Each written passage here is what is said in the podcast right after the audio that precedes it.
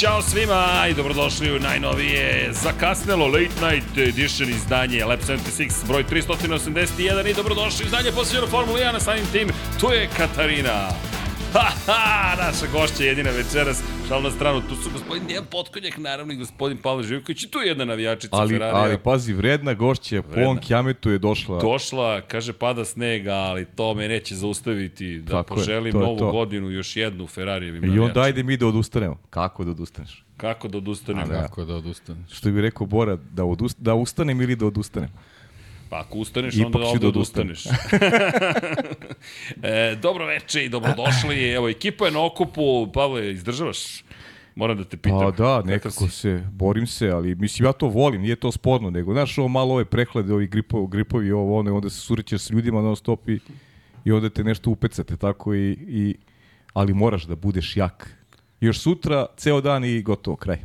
I onda krećemo u neku sledeću akciju. Krećemo u tako? pa naravno. Čekaj da kao stavimo ovde. Imam jedan bolid, ja, ti si uzao mog Mencela, ja sam Foxenu uzeo, Dekiju ne znam gde je Pike, ali dobro. Ne. Da, i, i nešto ću iskoristiti. Ja sam samo- svoje iz, izvozao. Da, da pozdravim ove naše gledatelje, slušalci iz Hrvatske, da im čestitam na ulasku u finale Evropskog prvenstva i držim im fige da sutra osvoje Evropsko prvenstvo. Eto.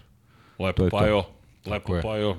Ja vidim, ja sam pratio koliko mogu da ispratim vaterpolo i pozdrav za Vladu Filipovića koji zove me, kaže, da, u Austriji sam gledao utakmicu. Navio za reprezentaciju Srbije koja se nije baš proslavila. Pa, sutra ali za sedmo mesto, šta da radimo? Idemo u dohod na svetsku za 20 dana, tako da. Pratite pod kapicom podcast i znaćete mnogo više o vaterpolu, Da, da. regionalnom, tako da, gospodin Pavle Živković, njegove koleginice, kolege, najbolji vaterpolo podcast.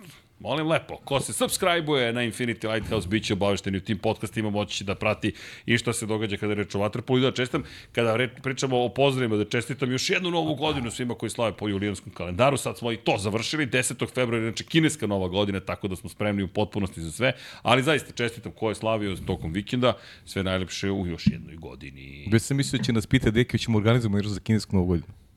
Kao sačekamo pa i u, studiju i to. Znaš, kako bi to bilo kako bi to bilo organizovano, čekaj. šta pići ovo ono. Hoćeš hranu, odmah na hranu. Ja nisam te vodio na ručak i ni na večer. Ne, nisam mogao sad, sad od, od, utorka pa dogovorit ćemo se neki Kreće oporavak. Da, da, da. Dobro, to ćemo lako onda da organizujemo, da napravimo celu Jeste, akciju jeste, i da, može. da, da se lepo provedemo. Možemo E, pojedemo i ovog čeka preko puta, ono, da se noći zapostavlja. da li se osjećaš zapostavljenim? Nešto mi ne deluje baš kao čovjek koji se osjeća zapostavljenim, ali dobro. Osjeća se bolesno. Ja se osjećam zaposlen samo kad nekog dugo ne viđem, a pošto nekog baš često viđem, Da, onda, da, da. znaš kako mora malo to da se dozira. Da, da. Treba ti dozer. Kupit ti dozer za rođendan. Imam, Imaš. Imam. Čekaj, deki, nismo se... Imaš, čekaj. Imam. Bravo, bravo. Ne Ili- reklamiram, Koliko se dugo nismo videli? Tri dana? jel tako? To je samo, dakle, Kao vikend. večnost. Kao večnost. Kao večnost, kao da. večnost. ne, u poslednje vreme. Drago mi je zbog vas. U Drago mi je ponedeljak podcast, u utorak podcast, u sredu podcast. E, da, bio on, je, da, bravo, da, on je Da. vanredni. Da, Jeste.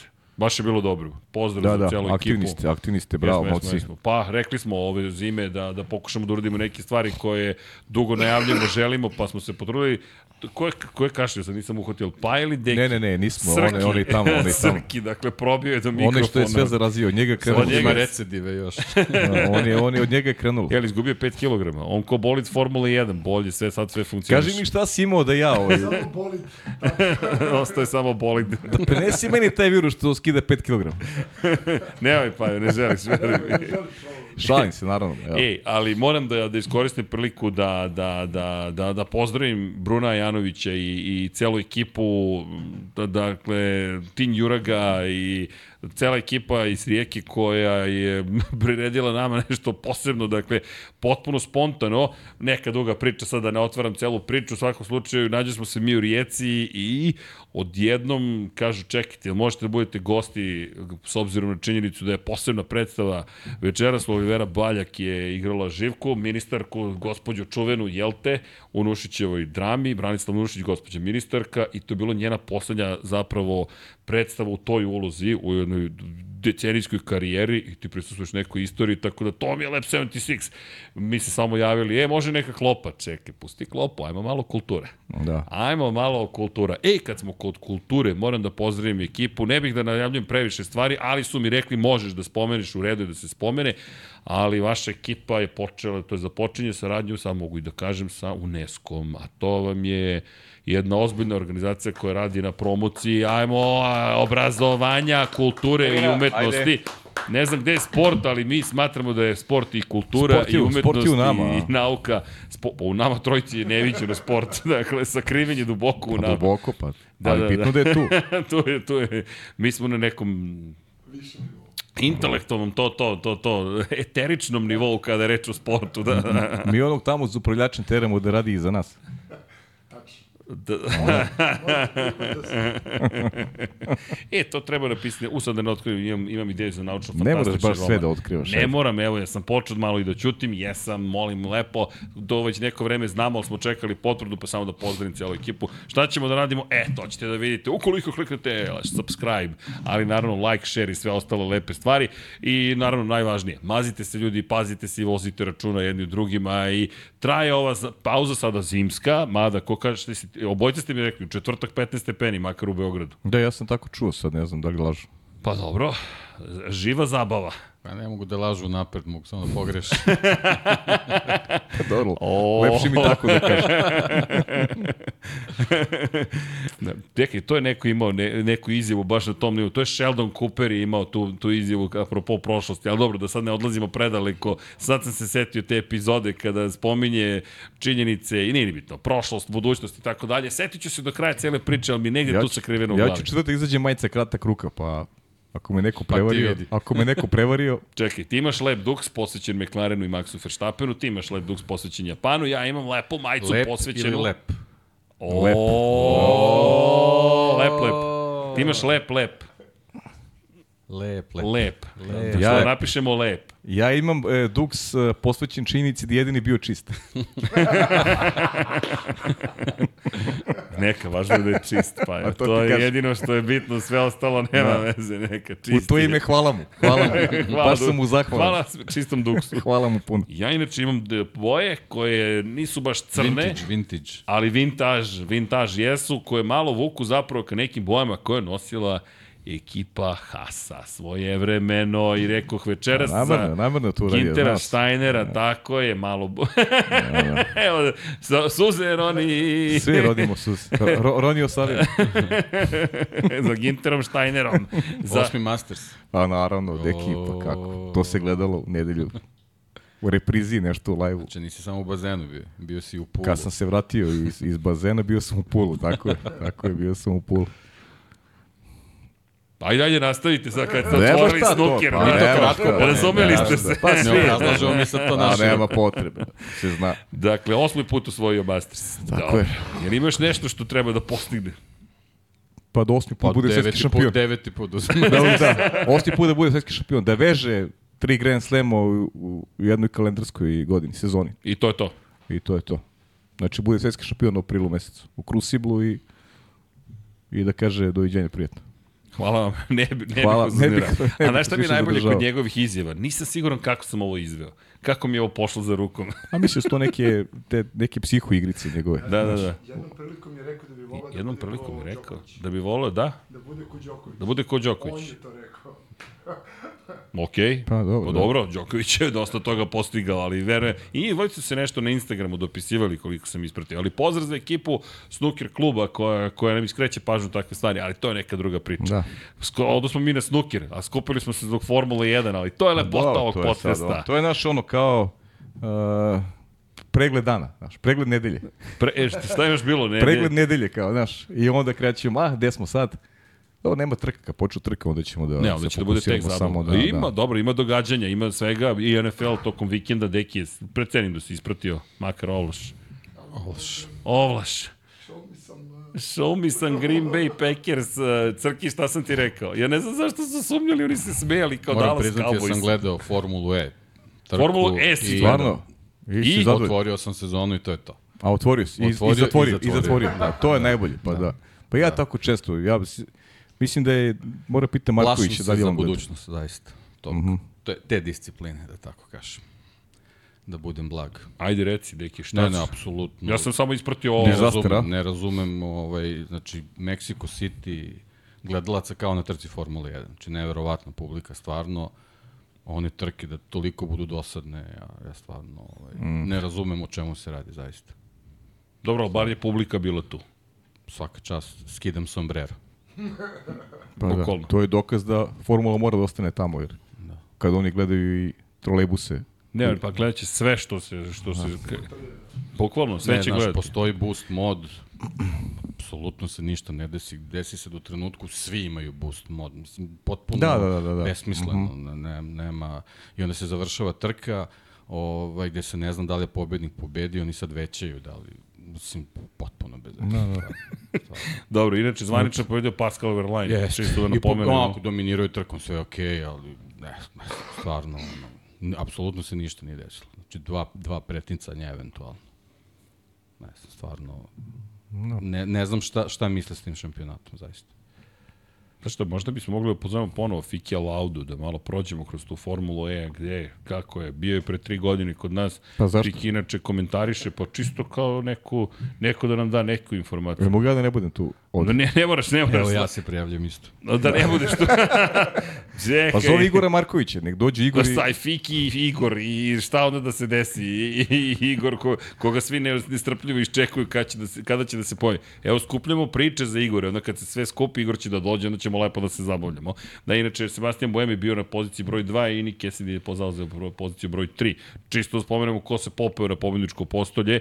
Inače posle Mexico City-a idemo u Saudijsku Arabiju, pa idemo u Brazil, pa zatim u Tokio, to jest u Japan, pa prelazimo u Italiju, pa Monako, pa zatim Nemačka, šta nam još ostaje Šangaj, posle toga, to jest Kina, idemo u Sjedine američke države i na kraju London kao veliko finale. Samo pod hitno nek smisle nešto da, da bude zanimljivije ako, ako ovaj, misle da imaju publiku pored ekrana.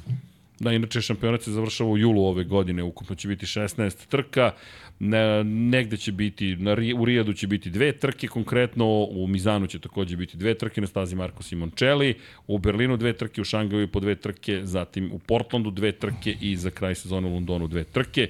Po jedna se vozi u Meksiku, Sao Paulo, Tokiju, Monaku i to je to. I imam radosnu vez za naše gledalce. Da. Sport klub ne radi direktne prenose.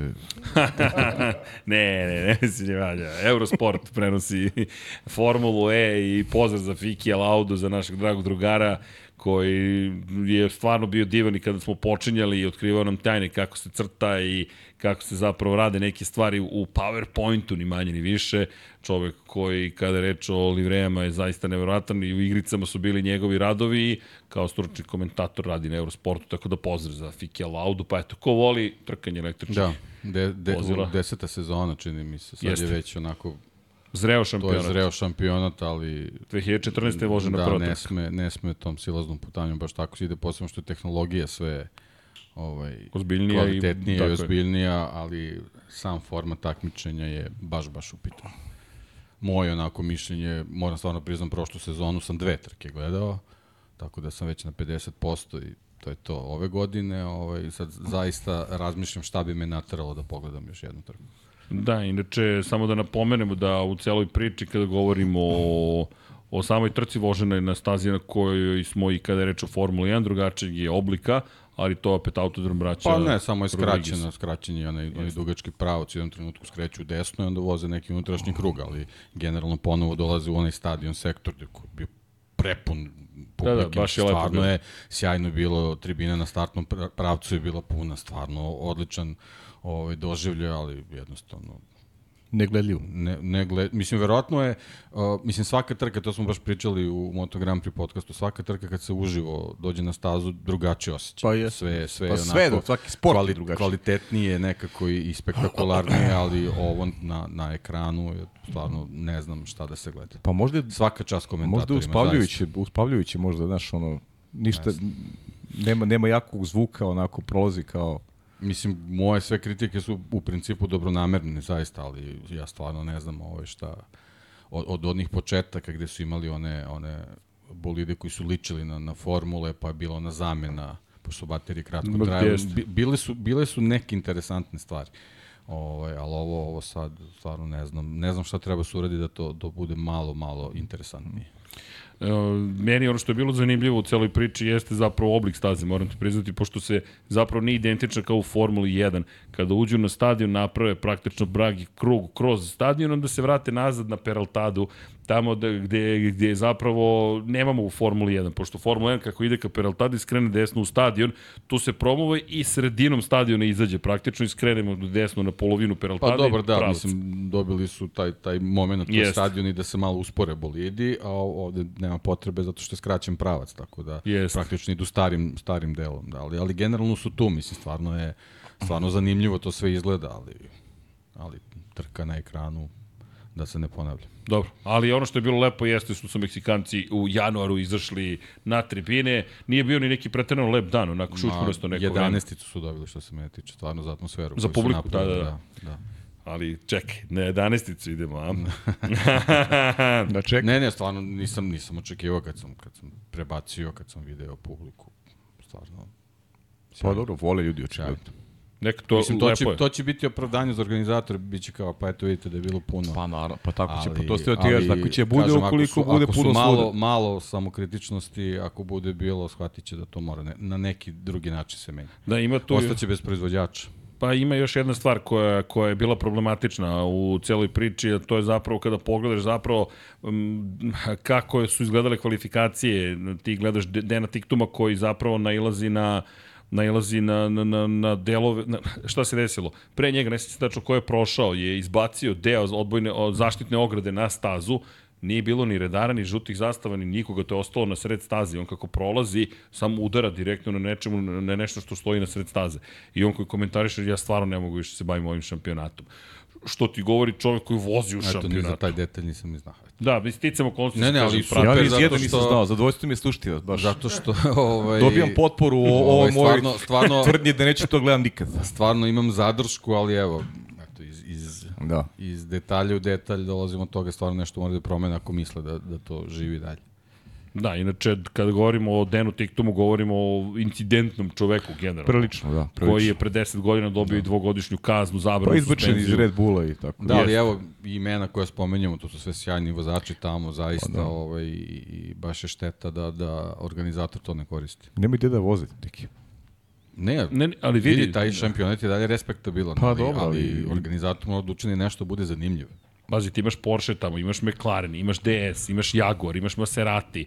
E, to su brendovi koji su preozbiljni. Andretti je prisutan, Nissan je prisutan, Mahindra je prisutan. Mahindra koja je žrtvovala Moto3 šampionat sveta Tako je, tako da je. bi učestvovala u Nije Formuli E. Jaguar više bez Gintera, Steinera, oni su odavno postali. Da. Vraćaš se sa Gintera. A, Oni su bez Ovo Gintera, Formula E, da je odavno su Ajmo ništa, nazad, bez Gintera. Pusti elektro, da, daj mo, Kad je motor sa Ginter otišao, to je krenulo nizbrdo. Ljudi, ode Ginter. Ajmo, ode Ginter.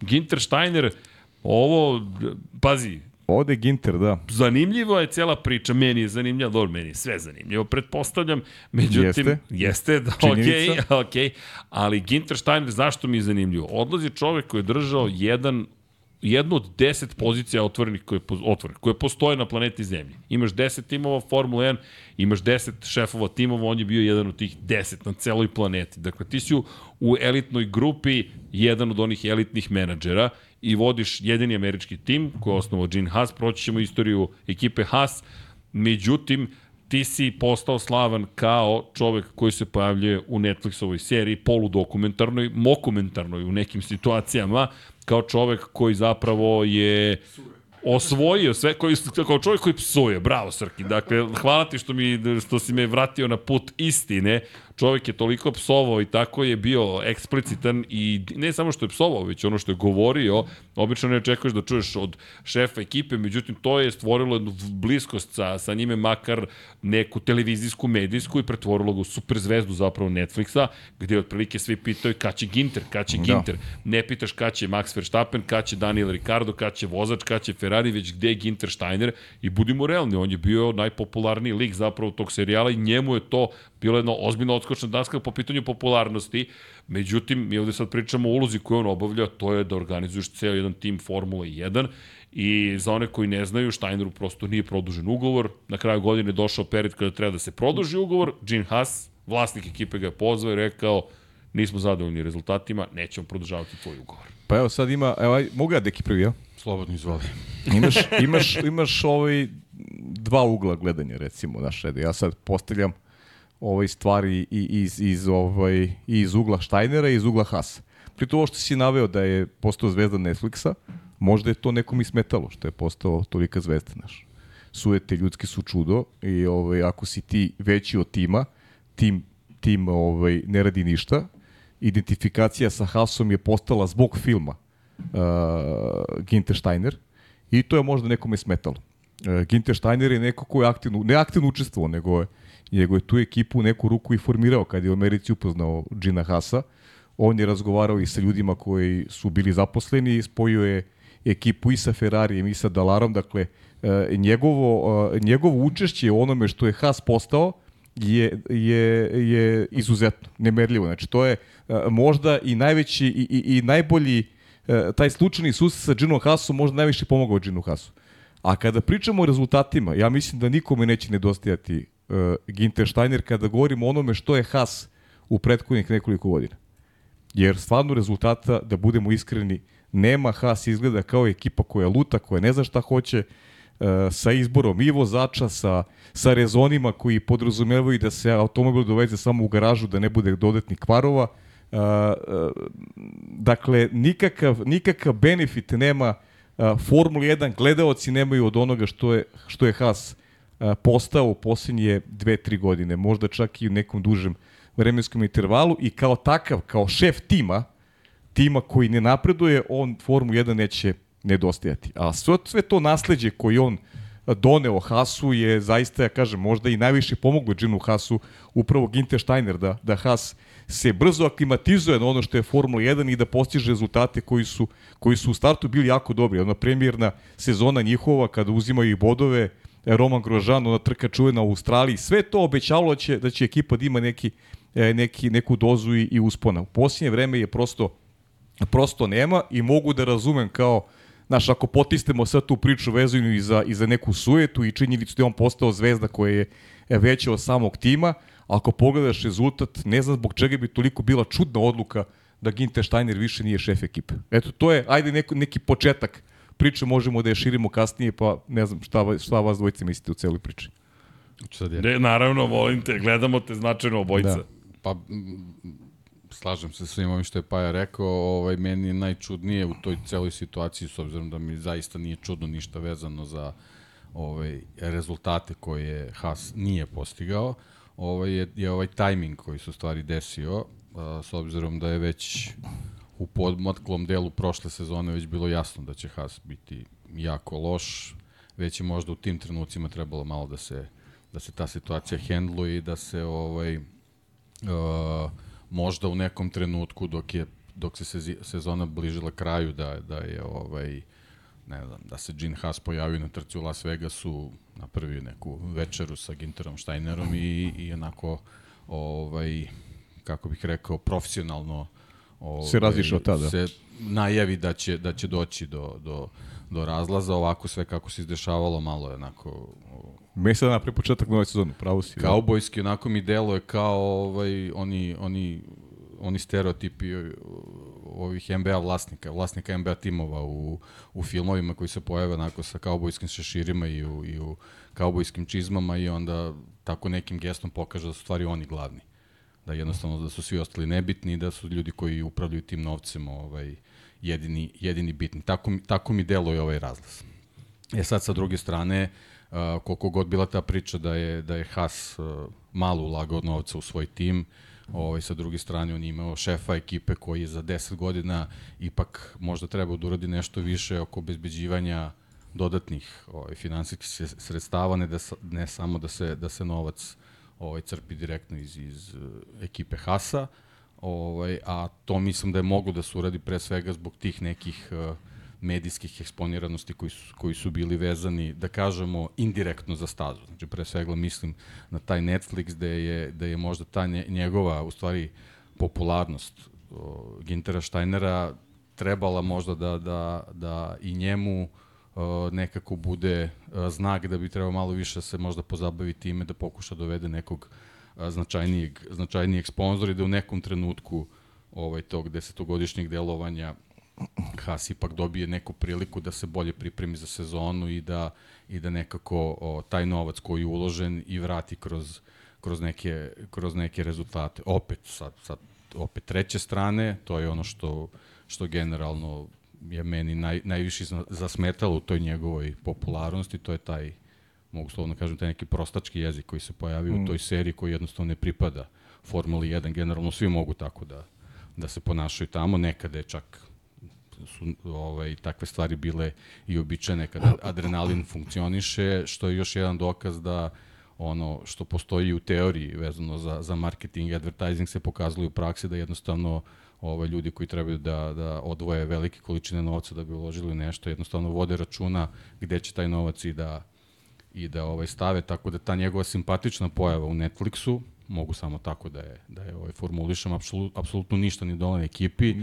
Ne Samo verujem da, da, je donela ni, ni njemu posebno, osim što će ga neko možda, mo, pa da, ali to je popularnost tako što će ga neko tretirati kao pajaca koji će možda biti simpatičan, se negde pojavi da nastavi da psuje.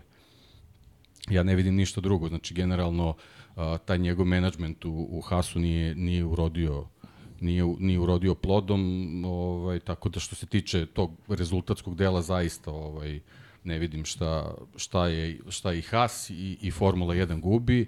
O, u principu mi je to najspornije na, način kako se u stvari Haas oprostio od, od to jest kako je oterao Gintera Steinera da iskoristimo pravu, pravu reč i ovaj, generalno eto žao mi je što što je ovaj Formula 1 eto ostala zbog tog nekog be, bez tog nekog simpatičnog lika koji malo razbija tu, tu neku monotoniju koja se koja se tamo tamo pojavila, ali ali generalno ovaj eh, njegov odlazak sa mesta šefa Hasa što se tiče sportskih rezultata apsolutno je opravdan.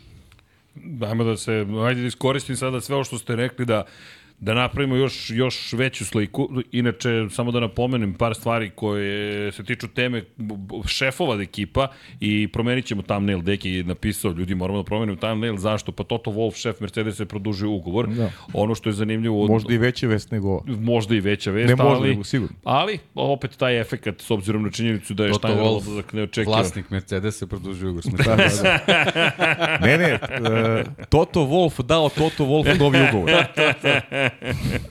Da, inače, za one Koji je koji- Toto Wolff rado prihvatio. Malo su pregovarali. Pregovarali su, bilo je napeto, ali... Pa ne, da, ti razgovori sam ne, sa sobom, znaš- to je najteže kad što razgovori. Pa najteže, je- nema teže, nema teže.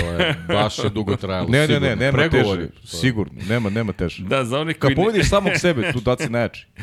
pazi ovako, vlasnici 33% ekipe Mercedes AMG F1, one koji Lewis Hamilton i dalje ne zna kako se zove, i da počinje na slovu M, jesu zapravo Jim Ratcliffe, koji je vlasnik Ineosa, izvršni direktor Mercedes-Benza Ola Kalenius i sam Toto Wolff. I sastanak eh, shareholdera ili ti akcionara je bio kao kad nas trojica sad sednemo ovako i Toto Wolff je rekao najvažnije je da mi imamo poverenje jedni u drugi. I sad ti pomisliš, sastanak akcionara, to je soba kao filmski, hollywoodski, 150 ljudi iz sela da se dogovori. Deki, Ja se slažeš da ja Ja se ostanem? slažeš da ja ostanem, da. pošto si sa sobom već dogovorio. Pa ne, ja, Ja ja, se složio. ja odmah ti kaže, ja pa i verujem maksimum. to ne, nema dileme, osta- ostaje sigurno. 100%. Ma, 100%, ne. Sigurica. I ono što je Znam čoveka. E, da, inače do kraja 2026. traje dogovor, tako da momci dogovoramo se sada naredne tri sezone da, da ostane ovaj je dogovor. to. Ali Pečatiram. to je to, bukvalno. I rekao je, ja ne želim da ostanem na ovoj poziciji, tek tako da se držim te pozicije. I, e, ukoliko mislim da će neko bolje uraditi posao od mene i ja sam taj koji ob- obezbeđuje da je atmosfera takva da svako oko mene može da mi kaže ukoliko ne radim dovoljno dobar posao i postoji bolja osoba. Na kraju dana nas trojice smo odlučili da idemo ponovo u cijelu akciju, tako da vraćamo se opet na malo pređešnu izjavu. Inače, ono što je zanimljivo, prema pisanju motorsport, motorsporta, rekao je, samo je potvrdio da nikada nije imao nikakvu klauzulu koja traži od njega da postoji bilo kakve rezultate. Jednostavno nisu, ne, uslov, nije uslovljen rezultatima, nije kao Steiner. Dakle, ako bude deseti u šampionatu, it's okay. Da jednostavno, shareholderi su se dogovorili da se zna ko je tu the boss. I to je Toto Wolf. Ali vratit ćemo se na Toto, Toto Wolfa, nego pojenta jeste samo da je to jeste velika Digresirao si, digresirao. digresirao sam, digresirao sam i ono što je bitno jeste da se najverovatnije vraća čovek koji je zapravo bio u francuskim bojama, da tako kažem, i to u Alfa Tauri, koji još uvijek ne znamo kako će se zvati, ali čovek koga, Alan Perman, koga znamo iz perspektive toga što je radio i za Benetton, i za Renault, i za Lotus, i za Alpinu, otišao je tokom, pretno, tokom prošlog leta u momentu kada je odlazio i Otmar Schaffnauer i priča se da će se vratiti... Benetton, Renault, Lotus, Alpine. Kako se čudno piše Renault. Da. Br, bra, ej, slušaj, ako Boje staviš. Benetton, Renault, Alpina, Lotus i kažeš da su iz Enstona, dobiješ brale. Eto. A? Brale, Benetton, Renault, Brale. Alpina, Lotus, Nadikan, Enston. nadimak za Permana. Brale. Brale. Tako će Alan, per... Alan Brale. Brale. Ćemo zovemo Brale, sad. Perman. Nadam se da niko nema AI koji može da protumači šta trenutno pri- pričamo, pošto će biti Alan the Body Perman. Što bi Brale rekao, to ćemo prenositi, što bi Brale rekao, Ali, čekaj, jeste gledali Lebovskog velikog? Body. Dude. Dude, dude, Dude. dude. Dude. Dude. Dude. Dude. O, zakon pa i nije smešno. jest, jest pensu se, Jeste, Jeste, ali sebi. juče je bio. pensu se, Ovih 33% se smeju u sebi. sebi se smijem, da. Kad budeš ti ispričao Pa šalu, ja, ti sam, se ja ti smej kažem, svoju ja, šali. ja sa Pajom proživljam ovaj, svašta nešto. Jer Lewis je Hamilton. Luis je Hamilton, tako je. A, dobro, da, u svakom slučaju vraća se čovjek koji je sarađivao i sa Mihaelom Šumahirom i sa Fernandom Lonsom i mnogim drugim vozačima, ali eto da napomenemo, ne znamo još uvijek, da nije još uvijek to potvrđeno, ali svi manje više govore da, da, da se vraća praktično to u Formulu 1 i eto da će raditi sa Alfa Taurim koji ne znamo kako će se zvati. Međutim, ovo napomenjem pošto činjenica da se da nekako danas sve dešava oko šefova timova ili bivših šefova timova i bitnih ljudi, pa Dobro eto, pitanje, da ko će. Haas? Ko će? Pet, Ajo Komacu. A, ju, da, A da. Komacu. A ja, Komacu, zna se, zna se. Da, da, da, da, to je Komacu. bio Da, to- nastavak rečenice. E, Pa Da. da, znate- zvanično, zvanično. Znate koje godište? 76. naravno. Da. sad kreće nova era Mladi Hasa. neiskusan. Mladi, da. neis, mladi neiskusan, sad će 50. Da, ali dobro. Vreme radi za njega. Vreme radi za njega. Da, ali Da, da, da, da, Komacu to, čoveka, da, da. da, Komacu reč, da, već je to zvanično potvrđeno.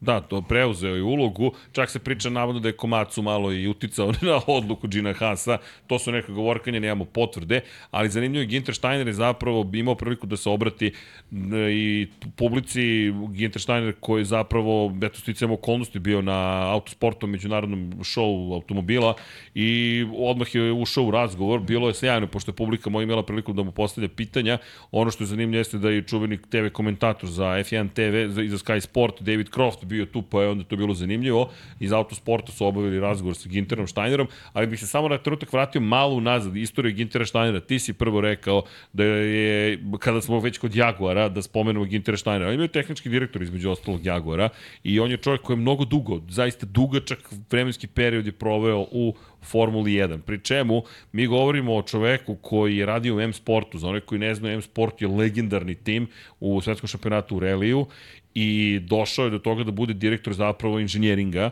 i radio je u okviru ekipe zajedno sa Carlosom Saincom starijim i zajedno sa Colinom McRaeom pre nego što su došli do toga, pre nego što je prešao praktično u Formulu 1 kada je Ford zapravo ušao kao fabrički tim 2000, 2001. godine sa Jaguarom.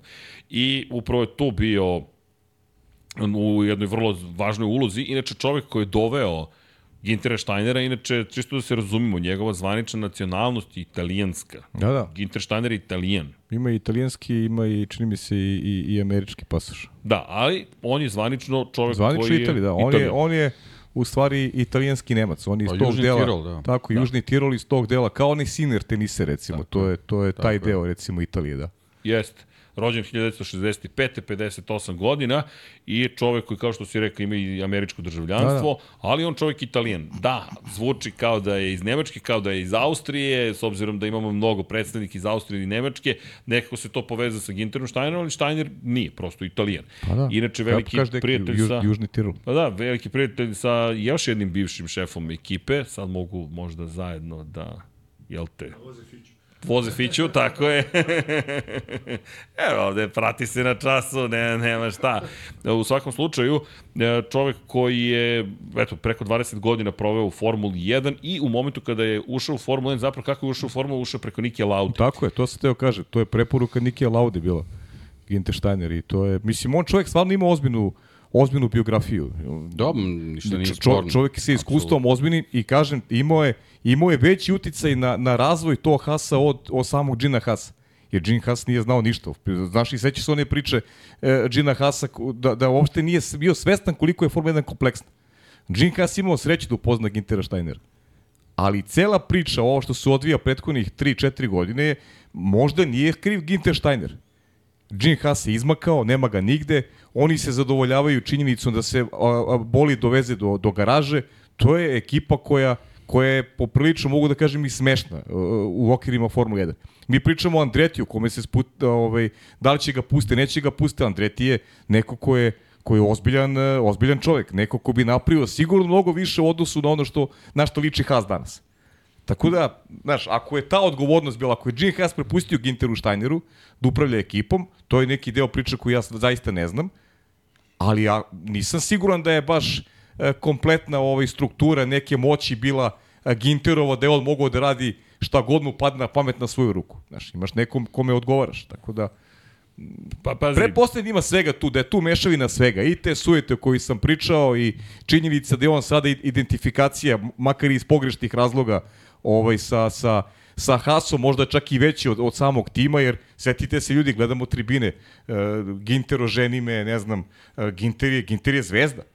jeste. Da li je to pogrešno, zvezda. deki? Je, i, I iz mog ugla jeste. Ali čovjek zvezda, on je napravio na osnovu filma Pa napravio jeste, to ali, da... ali Haas od toga ništa, Ništa nije nema, bukvalno To- nema. To je Slažem se s tobom. Pa naravno, To to, je to, to. što sam to smo pričali obojice. Sportski Haas ne da nije dobio ništa, nego Haas nazaduje. E sad, ako je Gene Haas stvarno rešio da to izgleda bolje, ako je komac, taj, ajde, sačekat ćemo da vidimo da li, je, da li je to to ili, ili nije. Ali je, da se potisne uloga Gintera Steinera, ona je presudna, ona je najvažnija za ulaza Hasa i za brzu aklimatizaciju, pa kontakti sa Dalarom, sa Ferrarijem, sve to, sve to odradio Ginter Steiner. Pazi, i Ginter Steiner radio mnogo toga. Jeste. E, mi smo se šalili malo za Moto Grand Prix podcast da ja nije radio ništa, ali to je samo rezultatski ako pogledaš neke stvari. Tako Međutim, tu priča je uvek kompleksna, nikada nije crno-beli svet. A, naravno. Nije ni ovoga puta. Inače, Simone Reste je prvi otišao iz ekipe Hasa pre nego što je pre nego što smo uopšte saznali šta se sve dešava iza kulisa. Simone Reste, za one koji ne znaju, čovjek koji je stigao iz Ferrarija u Haas i potom sad napustio Haas, priča se da se vraća zapravo u Ferrari. Simone Resta koji je čuveni takođe italijanski inženjer i o kome smo dosta pričali i baš njegov prelazak u Haas nam je bio veoma interesantan kao indikacija toga da i Haas i Ferrari pokušavaju nešto ozbiljno da učine kada je reč o Haasu. Haas inače ima svoje odeljenje u Maranelu, dakle mi govorimo o vrlo bliskoj saradnji sa Ferrarijem, inače pozdravi za jednog od sinova Mildraga Kotora koji tamo radi. ko je, ko je tu bio konekcija? E, to, to hoću ti kažem. Ko je, ko je bio konekcija? Ginter Steiner. Šta je uradio, on je ljudi promenio Formulu 1. To se sada zaboravlja jer model nije zaživeo. A ja mislim da nije zaživeo i to pre svega za... Inače, kako je nastao Tim Haas? I šta je to Ginter Steiner učinio? I slažem se s tom, mislim da Gene Haas snosi ogromnu takođe Sigurno, odgovornost. sigurno. E sad, to, i imamo, mislim da imamo američki model kao u NFL-u ko je vlasnik, ko je GM, otprilike i koliko od vlasnika zavisi. Evo, na primjer, sad ne pratiš, ali Dallas Cowboysi su rastureni bukvalno na svom terenu u Arlingtonu. Njegov tim Green Bay Packersa ima više pobjeda na tom stadionu u play-offu nego Dallas Cowboysi. De, vidi, to je sramota. Vidio sam vest, izvinjam se, digresije da su Pistonsi pobedili. De, Detroit Lio Pistonsi. Jesu, Lionsi su prošli dalje. Pistonsi. I imaju još jednom, još jednom nastupaju na domaćem terenu. Eto. I bit će zanimljivo. Koga dočekuju? Vas ja mislim da dočekuju. Ne? Ne, vi idete direktno na San Francisco. Da, da, da. Smo sedmi, sedmi sid. A ko je tamo prošao još? A, večera se igra. Čekaj. Večeras Tampica i Filadelfija. Tako je. Da, ajde vidjet ćemo ko će tu da prođe. Kako god, Šta ne je, znači Jerry ništa. Jones, vlasnik, jedan od najbogatijih ljudi u Teksasu, je vlasnik Cam Dallas Cowboys i on mnogo voli da se meša u svoju ekipu, što takođe nije po toliko dobro kad ne daš nekome da radi. Ali je takođe dao mogućnost finansijsku, tako i NFL organizmu, da ti možda uradiš svoj deo posla. Međutim, ovde imaš Gina Hasa, koji je hteo da uđe u Formulu 1 i našao je čoveka koji će to da mu omogući. Dakle, Ginter Steiner, koji je stasao u Jaguaru, koji je potom, i njegov, put, njegov putovanje uopšte nije naivno, bio u Red Bullu. On je Da, da, čovek da, bio da. četiri godine deo Red Bulla, Jeste. pete, šeste, sedme i osme, ti ulaziš u tim koji u tom Pa dobro, momentu to je prirodni polako, Jaguara. tako, je, Jeste, tako je, tako je, ti, ti, ali on je prihvatio da bude Red Bull Racing. Ono što je zanimljivo, Mislim da je on čak i u Red Bull neki ljude doveo, ovaj, pa pazi, on Ginter je, Steiner, da je, da je učestvovao dođe nekih ljudi u, u Red Bullu u tom periodu, tom nekom svom četvorogodišnjem nazovi, nazovi mandatu. Ovaj. I tu je imao neku rolu Ginter Steiner, pazi ovako, koja on nije je, bila baš mala u tom, On je tom imao periodu. jednu sezonu u kojoj nije ništa radio, to je bila 2003. praktično godina. Inače je on bio povezan sa Opelom i on je zapravo bio planiran da se bavi DTM-om. Kada je Opel odlučio da odustane od DTM-a, Ginter Steiner je zatim otišao u Red Bull Racing, to je kada je Red Bull kupio praktično Jaguar. Međutim, vrlo brzo je rekao da je vreme da se ide. Zašto? Pa, s obzirom na činjenicu da je on zapravo bio tehnički direktor, a ti dovodiš na poziciju tehničkog direktora Adriana Njuija, nije baš da ima mnogo prostora za tebe, a Dietrich Matešić, vlasnik Red Bulla, je ponudio priliku zapravo Ginteru Steineru da ode i da formira tim u NASCAR-u. Naskaru, da. I on je otišao u NASCAR, čovjek je živo u Severnoj Karolini, on se sa suprugom spakovao i otišao. I tu zapravo se stvaraju veze. Ko prati Tu NASCAR, pravi vezu sa Ginom Hassom. Tako da. je. To je, to je ono što su pričali o slučajnom poznanstvu. Tako, i Joe Caster. Joe I Caster Joe koji je Caster, otac bravo. Kola Castera. Kola Kastera, da, vozača sada Tako vozi je. Vozi za, pa vozi, Vozi za, za- za, Haas za Racing. Stuart Haas Racing. Za Stuart Haas Racing, Tako da. je. Tony Bio je- Stewarta bio je i šampion, Gina Haasa. Bio je, bio je šampion Xfinity seriji. Da, prošle go to je juniorska, da kažemo. pre dve godine, recimo, Serija, da. prošle ili pretprošle? Mislim da je pretprošle. Pretprošle. Kako god bio je šampion uh, Jeste, serije jeste. koja je uvodna, kao da je, na primjer, u Formuli 2. Tako, stvarno. e, up, najbolje poređenje. Bukvalno. Najbolje poređenje. I uh, imamo Joe Castera, koji je zapravo jedan od glavnih ljudi u ekipi Haas Racinga u NASCAR-u. Imamo Gina Haasa, koji je takođe deo Stuart Haas Racinga, koja je jedne mnogo ozbiljne Tako je. Zatim, da Ginter Steiner u tom periodu, pritom to zaista moćan tim, Ginter Steiner u tom momentu dobija ponudu Joa Castera i Gina Haasa da formira tim Formula 1. Dakle, imamo celu priču koja Gintera Steinera dovodi Pa, nazad u Formulu 1. Filmska je priča, zaista. Jeste. A, mislim, ovo je pogrešan je pogled. je- Pa ne, ja, ja, ja iskreno ne gledam te serijale, ti znaš da ne Znam. gledam, znate obojica, ali cela priča uh, Gintera Steinera jeste filmska. Jeste filmski. Jeste filmska. Italijan austrijskog uh, prizvuka, Italija, Italija, pa imena. Italija nemačkog prizvuka, Da, to je Južni Tirol, to je nemačko govorno područje, Jeste. to su Italijani koji, ono, to, ne, oni su Nemci u stvari, razumeš, ali su i rođeni u Italiji, Italijani su, znaju, znaju dv- dvojezično je Nemačko tamo, poreklo. pričaju i nemačke, pričaju italijanski, nemačko je poreklo. I, ovo, I cela priča kako se on razvijao kroz auto motosport je zaista poziv dokle on u Formula 1 došao do Naskara, pa napravio ovdje ekipu fo, Formula 1, mislim, Da, inače, izvini, u Jagoru su oni Lauda, on je pre svega skresao troškove. Dakle, on je bio ozbiljan operativac, čiji je zadatak bio da skreše troškove. I on je smanjio troškove maksimalno, ali Ford više nije imao vremena da za Laudu, otpuštaju Laudu i otpuštaju gomilu ljudi, odustaju od projekta. Jagor, Znači, kresanje troškova baš nešto i ne prolazi dobro. da, da. Meni Da. tako deluje. Pa- ne pa kako da. se vama čini. ako Da, da, ne ne, uradiš ne, to ne. kako treba, Pa ne. ako Nema nisi kako, pametan, ne možeš da Pa krešeš da. troškove u Formuli 1. A ne, To- u Formuli 1, ako to Kroz istoriju da. se Pa pokazalo da ne, to ne može je da- troškovi u Hasu isto Pa, to je to Mercedes, da da završio. smanjiš ili ćeš da daš više. Pa, A nije da im nedostaje novca. Ma ne samo, ili, ili neće, neće da uložiš, pa izađi. Bukvalno pa izađe. prodaje ekipu, prodaje proizvod i, i dalje, ako te to ne zanima dovoljno. Ne krešeš... I prodali su Red Bull Racingu. A, da, da. koji je rekao, ne, možda znam kako ovo da uradim. Mada, Jaguar je bio na ozbiljnoj prekretnici, s obzirom na činjenicu da Bobby Rahal bio deo Jaguara i Bobby je zvao zapravo Adriana Newey da, se, da mu se pridruži. Malo je nedostajalo, evo je knjiga How to Build a Car, Adrian Newey, u kojoj priča upravo o tome da, da je bio blizu toga da ode u Jaguar. I to, on je na kraju otišao u Jaguar, ali kada je postao Red Bull Racing, međutim Rahal je pokušao da izvrši jedan od najvećih pučeva. I uspeo je čak da ga privoli, pritom je onda organizovao Ron Dennis mm. večeru specijalnu, porodičnu, supruge i supružnici, njih četvoro i kaže da je Denis bio baš on, dosta, dosta uporan, recimo to tako. Na kraju je shvatio da mu je bolje da ostane u McLarenu, dok nije stigla ta ponuda Red Bull Racinga. I onda kreće naravno ova istorija Red Bullova, ali Ginter Steiner je takođe tu negde figurira u svim tim pričama. E sad, zašto je bitno ono što je uradio Ginter Steiner? Steiner je uspostavio dugoročni odnos sa Ferrarijem, ali to je sada već zaboravljeno. 2014. Haas ne proizvodi svoje bolide. Ljudi, Haas, njima, oni nemaju, oni Nemaju nemaju ništa. bolide. Nemaju On, ništa. oni, nema, oni su bukvalno robna marka i to je tipičan, to čak više podsjeća na Red Bull nego sam Red Bull Racing. Jer Red Bull nema svoje punionice. Red Bull se ne bavi punjenjem ni proizvodnjom svojih napitaka. To rade za njih podizvođači. Red Bull je vlasnik robne marke, formule i bavi se marketingom i prodajom. Dakle, to je posao Red Bulla. Čak su outsourcovali, dakle, predali trećim licima da rade za njih distribuciju proizvoda. I oni ne rade ni distribuciju. Dakle, šta Red Bull radi? Marketing i prodaju.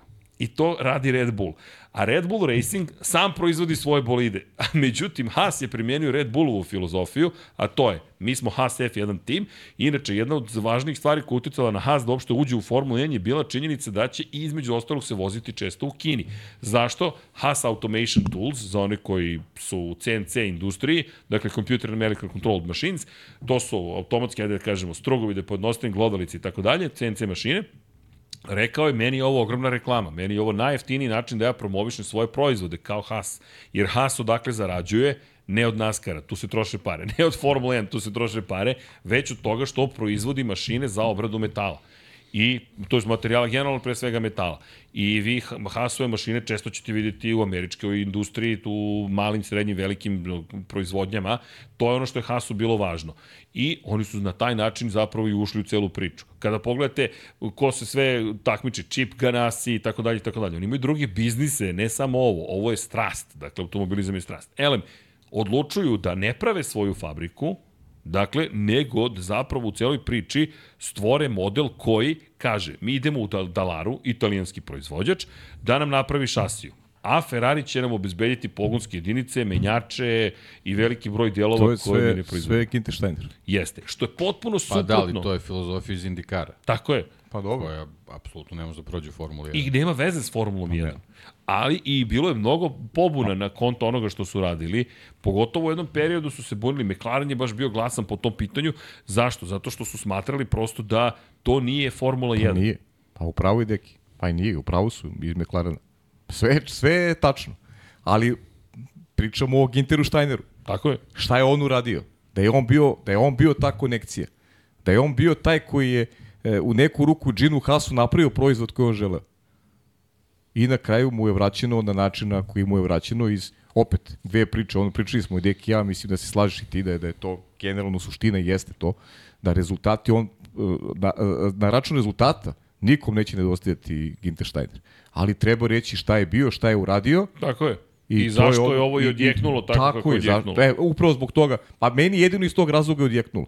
Znaš, taj ne, ne gledam uopšte Ne serijal. trsi njega. Me, tako je, meni, meni on na račun filma nije zvezda, ne zanima me film ko film, zanima me šta on radi kao šef ekipe. On ništa nije uradio kao šef ekipe da ta ekipa napreduje. Ništa. Da li samo on kriv? Nije. Kriv je Gene Haas. U stvari, najveća odgovornost je na Ginu Haasu. Najveća odgovornost je na Ginu Haasu. Koliko smo puta ti ja Pa da, pričali... to su njegove pare. Da tako je, možda radiš što. Odgovornost ne postoji. Tako je, ne postoji, on je taj koji to finansirao i Član to je upravnog to. odbora. Pa da. Pa Shareholder. član upravnog Šalim se, odbora. šalim se, ne, ne, sve okej. mislim, Situacija je takva, kažem, mislim, Ginter Steiner to što je ljudima simpatičan, pa je sad, eto, da. kao, to, ovaj, loša vez zbog toga, to je, to je jedna, jedna strana medalje. Sa- Druga sam- strana samo medalje zbog toga i vest, stotine miliona dolara koje je Gene Haas uložio u desetogodišnju avanturu ekipe i, i nije dobio ništa, bukvalno. Mislim, naj, naj, Pa niko ne uh, naj, kako bih to, ne mogu kažem najznačajnije, nego naj, naj, uh, uh, najveća istorijska stvar uh, Hasa u desetogodišnjem, desetogodišnjem delovanju eksplozija bolida Romana Grožana. Pa da. Mislim, ja, ja ne, mo I- ne mogu da, da, da, da, da se uhvatim za neki važniji takmičarski moment. Evo ja ću ti kažem još jedan posle toga. Australija kad uh, mehaničari, tačnije ovi što menjaju točkove, isti točak ne mogu da zavanu E, to kako je- treba. to je trebalo u, da bude. U, u, To je- u, še, da. u šest minuta. To je trebalo da bude domet, ali nije bio. Ali, ali i tu je direktno onda Ginter Steiner odgovor. Ne, neće Gene Haas da delegira Jeste. ekipu koja će to da radi. Jeste, naravno. Tako da, Da, inače, sve evo, se vrti u krug. Ne, u Da. da. četu ko je, neka napiše po čemu pamti Haas ekipu. I zašto je Haas ekipa uopšte toliko važna za Formulu 1. Šta to čini Haas toliko važnim u Formuli 1? Ništa. Ali zaista, šta je to što, je, što, ga- što ga čini? Evo da čujemo. Da. To je jedini američki pa da. tim je Katarinin komentar. Ali zaista ne, ajmo. Haas. Evo, pričali smo o tome po čemu o- ćemo ono pamtiti. što je mene, ono što je mene oduševilo, to smo i ti ja pričali kroz prenos, je kako su se oni e, aklimatizovali vrlo brzo i postali ekipa koja osvoja poene. I onda ti očekuješ prosperitet, a ti dobijaš iz godine u godinu jedno, jedno onako pad ogroman nazov, ozbiljnu Stagnaciju. Pa to, to je, ja ne, ne znam čime bi uporedio to, znaš, to je samo potvrda da, znaš, možda je Ginter Steiner u suštini neka kozmetička promena. Znaš, ulaže se toliko, ja sad ne znam, baš me Nešto zanima... mora da se desi. Ja, ja, ja, mene zanima Znam, da li je ali- Gene Haas na račun marketinga nešto dobio. To je sad pitanje za Bože Tatarevića, recimo, znaš.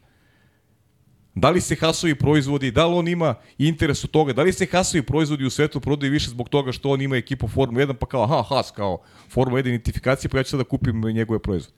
Da li je on dobio nešto marketinški, da li je dobio na, na, na većoj prodaji uh, svog proizvoda?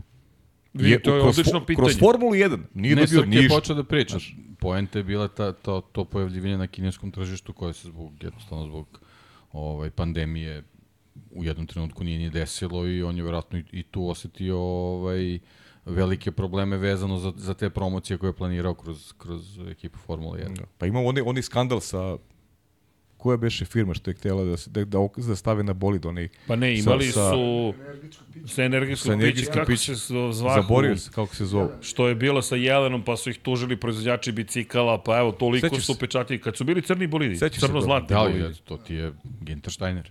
To nije Gene Haas. E, ali to sad, sad, to je sad pitanje je? Haas između, da, zato što se spominje da je Gene Haas imao veze takođe sa tim, ali ljudi, Pa znam, ali ajmo, nije Gene Haas komercijalista svoje ekipe. Ne samo mislim, to. Ne- Advertising manager. Vidi, ima još jedna bitna stvar. Na šefu ekipe, da, Rich Energy. Rich, Rich Energy, Energy. Rich, Rich Energy, Rich, Rich Re, jeste, Rich Energy. Rich, Riče, riče, riče, Ran- Sr- Srbija ti kliče.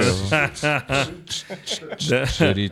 Jeste, ali to si imao Rich, skandale sa Rich, Rich Energy. Rich Energy. Pa ide Rich, na Rich Energy ide, ide tweet, Energy. da, pa ka, Rich Energy je kako je sramota otprilike što Haas Da. učestvuje sa Haasom. Pa onda kažu to je neki zaposleni koji je oteo kontrolu nad društvenim mrežama, pa se ispostavlja to vlasnik Rich Energy, pa se njemu zabranjuje, pa skidaju sponzorstva. Onda imaš i situaciju sa, sa, sa izvini, sa, sa, sa ruskim sponzorima. Tako Sad, to je nesrećna situacija, ali ti si imao Ruke takođe... u džepove i Nikita Mazepin ti donese silne pare. E, To sam htio ti kažem. Izuzimam sad političku I situaciju. ti, sa si tim silnim Nikitu parama Mazepina. imaš katastrofalan bolid. I tad. Pa I da. ne samo njegove pare. Izvini, Ginter je doveo i nemačke sponzore za Mika Schumachera. Pa zato što Ti parama njima nisu, nisu Pa ulagali. ne da, možeš. ali, ali sad ali opet, nisu parama ulagali u bolid. e, ovaj, advertising manager ili te pare koje je ono trebao da, da rasporede se ulože da se napravi dobar bolid. E, a čekaj Koja je sad. njegova E, funkcija? čekaj, čekaj, čekaj, čekaj sad ovako. Čekaj sad ovako. Pare, E. su, čekaj, čekaj, pare su ušli u firmu. Dobro. Da li Ginter Steiner, možda je Gene Haas uzeo pa rekao je, nemaš pare za bolid, treba za neke druge stvari. On je, ga, on je vlasnik. Pa ne može Ginter Steiner raspolaže novcima ako mu vlasnik Da, ne dozvoli. može da ode. znaš. E, E, to je- bravo, e, to je bravo, tačno. deki, To je to druga, se To zove je bilo pre pet integritet. godina. to je Čekaj, druga to strana se medalje. To je druga da, strana da. medalje. Tako je, možda ode. Dobro. Ali, ali znaš, sad on da raspolaže baš novcem, ako moj to ne da pristup, Znaš, može... Pa čekaj, najbolje, prilike, najbolje je to. Mik Schumacher ide, treba na vozač koji će doveze boli do, do garaža. Pa ček, zovite meni, ja ću vam doveze boli do garaža. Pa vidi, Ja ću vam doveze boli, Vidi, ja vozim, da se vozim razumemo. 100 na sat i, doveću ga do garaža, nije nikakav problem. Guru bi ga 60. Pa da, na gurku ako treba ima da ga dok garaš.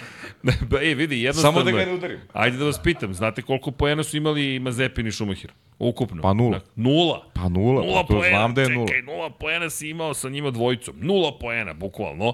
I sledeće godine 37 poena, osmi si u šampionatu konstruktora. Opet negde se nešto oživelo. Ali, čisto zarad cele slike. Prva sezona, prva trka, ti si šesti u Australiji sa Romanom Grožanom. Inače, Ajao Komacu Ne, ne. je došao sa Romanom Grožanom, je stigao zapravo, to je još jedno Lotusovo dete, koje je stiglo zapravo sa Grožanom da se takmiči kao član ekipe Haas. Tako da i Komacu dolazi iz te priče. Svi su oni nekadašnji Ne, ne, Srki, ta prva godina je stvarno je bila za kapu šesti, kapu pa dole. peti, pa Zato devetesti, što pa je, osmi. znaš, ti uđeš kao Novajlija, nemaš mnogo konekcije, nemaš nikakve konekcije sa Formula 1, a imaš takav rezultat. Stvarno je za veliko poštovanje. Ali, znaš, računaš Gene Haas, mi znamo šta znači ekipa Haas, jer smo počeli da platimo NASCAR u tom periodu, znamo šta je Haas tim u okvirima NASCAR-a i verovali smo da Gene Haas zaista ima ozbiljne takmičarske planove.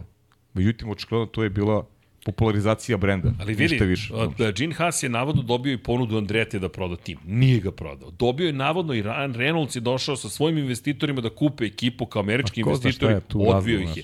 Ja i dalje ne mogu da razumem koji je motiv. A pazi, sad je Formula 1 u plusu. Njemu je Haas tim sada plus. Izvor prihoda. Ja i dalje ne shvatam motiv Gina Haasa da ostaneš. I, Pa eto, rekao si ga sad. sledećih par Sad si ga dana, rekao. Par Da. nedelje. Da, A je to jedini, jedino? Pa znam, tu Srki, ali A nećeš ni da prodaš. Jel te zabavlja? A onda kažeš, Pa sramota me je od pa naših zabavljate. rezultata. Imaš film, imaš popularnost nikad veća. Ali čija popularnost? Gintera Pa Steiner. dobro, Kintera Steiner, ali Prvo tu je. to. znaš. Ba, njegova ekipa nema nikakvu popularnost. E, da. Znači, znaš, sa jedne strane, opravdano je kako on razmišlja. Ja, me- meni smeta način kako je je to, to, uradio i, i, i trenutak kad se to desilo. Mislim, ekipe već saopštavaju datume e, promocije novih bolida, mi nemamo Ali samo da li te je dobro razumem, da li govoriš na nivou nekog ha, lažnog humanizma u biznisu ili na nivou toga ozbiljne organizacije Ne, ekipe? ne, ozbiljna organizacija Upravo ekipe. To, znači, okej, da bukvalno razumemo. poslednjeg dana sezone Ti otpuštaš 23. šefa 23. u ponedeljak je trebalo da saopšti da Ginter Steiner više nije Pa to šef je, ekipe. to je rang Ferrarija, ono, izbor, izbor novog šefa u početka januara meseca. Znaš gde me Čekali dovodite? smo do januara. Ne znate ko je kriv za sve zapravo? Čovek s kojim je vozio Fiću, Matija Binotto. Zašto? Kada počinje ozbiljno posranuće Hasa? Jer Has u prvoj sezoni ima vrlo pristojne rezultate kada pogledaš. Dakle, oni su 29 pojena skupili, osmi su u šampionatu.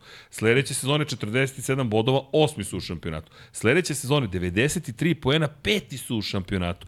To je dakle čuvena 2018. go- godina Roman rezultat. Kevin Magnussen.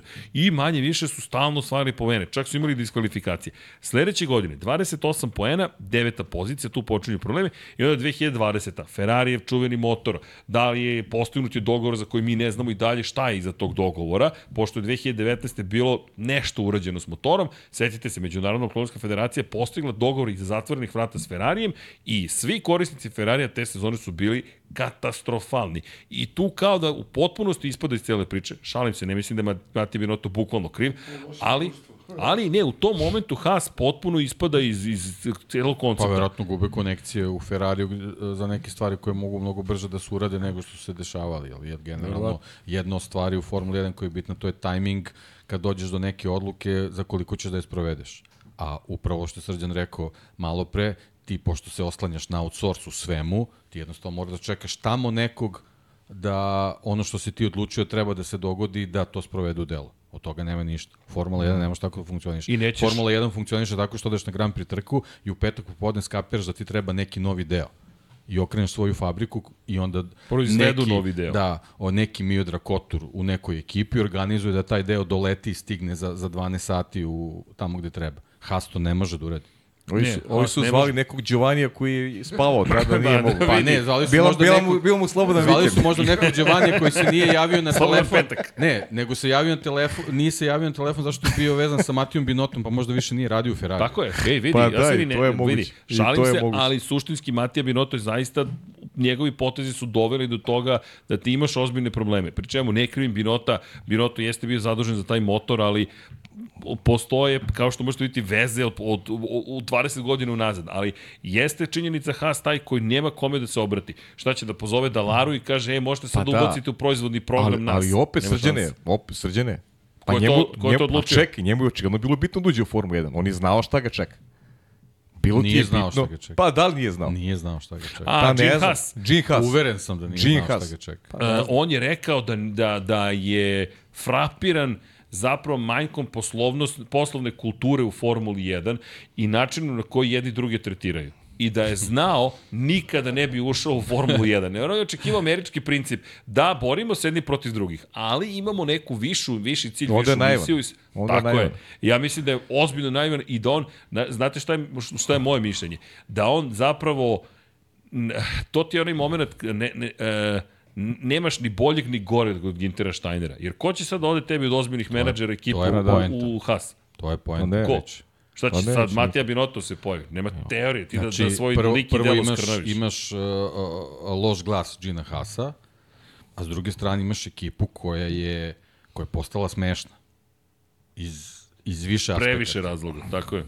A posebno zbog toga što je šef te ekipe se ponašao neozbiljno. Ja, ja to najviše za- zameram Gitenu Štajneru u jednoj veoma ozbiljnoj situaciji. On je sve, sve napravio da, de, da deluje kao neka teatralna priča. Legendarni Valentino Rossi, ukoliko se ponašaš kao pajac, a nemaš rezultate, onda si samo pajac. A ako se ponašaš kao pajac imaš rezultate, onda si car. Ali pajac mora da ima neke manire. Mm. Naravno, ne možeš da ideš u taj ekstrem u koji je otišao Ginter. I ono što je problem, a mislim da je prva sezona bila autentična, te psovki, način na kojem komunicira. Pri ali, čemu? ali moram da kažem nešto njemu Da, da, da. I ponaša se kao pajac samo u ambijentu koji ti to dozvoljava. Gde su ljudi oko tebe ostalog, takvi, znaš. Jer sličan se sličnom raduje, znaš. Drugo, on je pušten da se tako Sad, ponaša. to ti kažem, je sad Ginter Steiner došao pre šest meseci, pa su ovaj video da je on pajac i on ga je oterao. Ne, ne, ne, ne. Nego su zajedno Netflix 10 godina, je to razumeš? pretvorio u, pretvorio to je, neku to je, priču. e, pa, to je da, druga stvar, vidi, znaš. onda je bio uspešan menadžer i da je radio to što je radio, njemu bi zabranili ulazak u padok. da, da, dobro, Pa to ima dobro, On, smisla. on je bezopasan Pa svima. naravno da je bezopasan. Zato, zato su ga pustili da to radi. Uf, vidi, deki, surov si, ali, si, ali, a to Pa je istina. dobro, ne, ne, pa jeste, To je istina. Sam, sam je napravio takvu atmosferu oko sebe. Jeste, Ne, ali... to se ne slaže da je napravio sam A atmosferu. ja oko mislim sebe. da, uh, ne se ne kažem slažem. Znaš samo kako, on, Atmosfera- pojavom atmosfera u je timu, to znaš. Ne, ne, ne pričam za atmosferu u timu, znači pričam o atmosferi oko Ne, njega. ne, znaš šta, nisam gledao serijal tako da ne mogu da Pa komentarišem, jo, ne mogu da komentarišem to uopšte. nisam znaš. ni ja. Evo ovako, Ne, ne, ja da nisam gledam. gledao. ja jesam. A, ali mislim, ali mislim da ne bi mogao da se ponaša neko, u, znaš, tako u McLarenu ili, znaš, ili ne, Pa naravno prosto da ne, tebi, naravno da ne. Pa to je to, ali, ali, Naravno ali da oni, su, oni su skladan par bili. Znaš, to je, to je skladan par. Eki, mislim na ekipu i na šefa tima. Skladan par u kome nema, e, ne postoji, ne postoji šta će biti za narednih godina dana. Postoji od danas do sutra. Meni tako Haas deluje već od danas za par godina. Postoji samo od danas do sutra. Znaš, to, to što si rekao, generalno, Da, ali vidi, on je imao moment kad se pojavila nova generacija bolida, sećaš se? Dobro. Kako su nas iznenadili performansama sa automobilom koji ličio na, na ovaj revijalni bolid. A da, da, da, da, da. On ni to nije iskoristio. Pazi, oni su imali su, ne, pazi, oni su imali nešto što je ličilo na revijalni bolid, ispostavilo se da ima sjajna Znači, tehničko drugi, tehnološka drugi dok rešenja. su poskakivali, Haas, Haas je bio Haas stabilan. je mogao nešto da uradi. A čekaj sad, On nije kont- ni to iskoristio, zato što se bavio nekim drugim ili stvarima. očekujete će, da će Komacu da donese nešto revolucionarno u Haas? Pa, Znaš šta, šta možeš ti da uradiš 15. januara? Pa dobro, Što možeš da uradiš ti u sezoni koja Ja počinje pričam. 29. Meni to februara? najviše smeta. Ti si Okej. sad nasledio Ali znaš šta ti to ekipu. govori? Upravo to, opet kupovina vremena. Jer upravo će to i da bude. Ja sam došao 15. ili doveo sam šefa 15. Zašto si ga smenio 15. januara? Oni nemaju plan opet.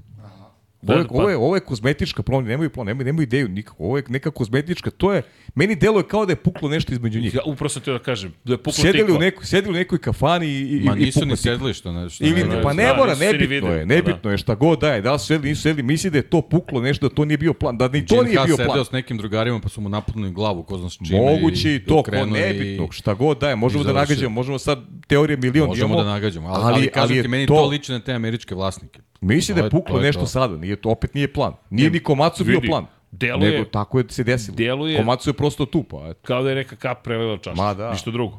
Tako Čak deluje. možda nije ni kap prelio Ma, čašu. Čaša ne, je nego, odavno nego, prelivena, nego sad nego neko trenutak borio, sad je neko razbio. Da, da. Znaš, pri čemu Ginter Steiner, ono što je zanimljivo, dobar komentar je dao i The Race u kontekstu toga da sada kada je bio zapravo na šovu, nije pričao, nije psovao, nije uopšte koristio terminologiju koju koristio u Netflixu. Jer vidi, ti imaš i, i insulaciju, ti si čoveče zaštićen, ti imaš izolaciju oko sebe kada si u Netflixu. Zašto? Zato što deluje zabavno, ali zaboravljaš da taj moment zapravo se prenosi i dalje. I Ginter je mega popularan. Inače, Helmut Marko, zvanično savjetnik u ekipi Red Bull Racing, ali jedan od glavnih ljudi, jedan od trojice glavnih ljudi uz nju je i, Christian Horner, šefa tima, je rekao da je, koliko je on razumeo situaciju, Ginter Steiner svoju popularnost pokušao da pretvori u suvlasničke delove u ekipi, da je želeo da bude jedan od suvlasnika.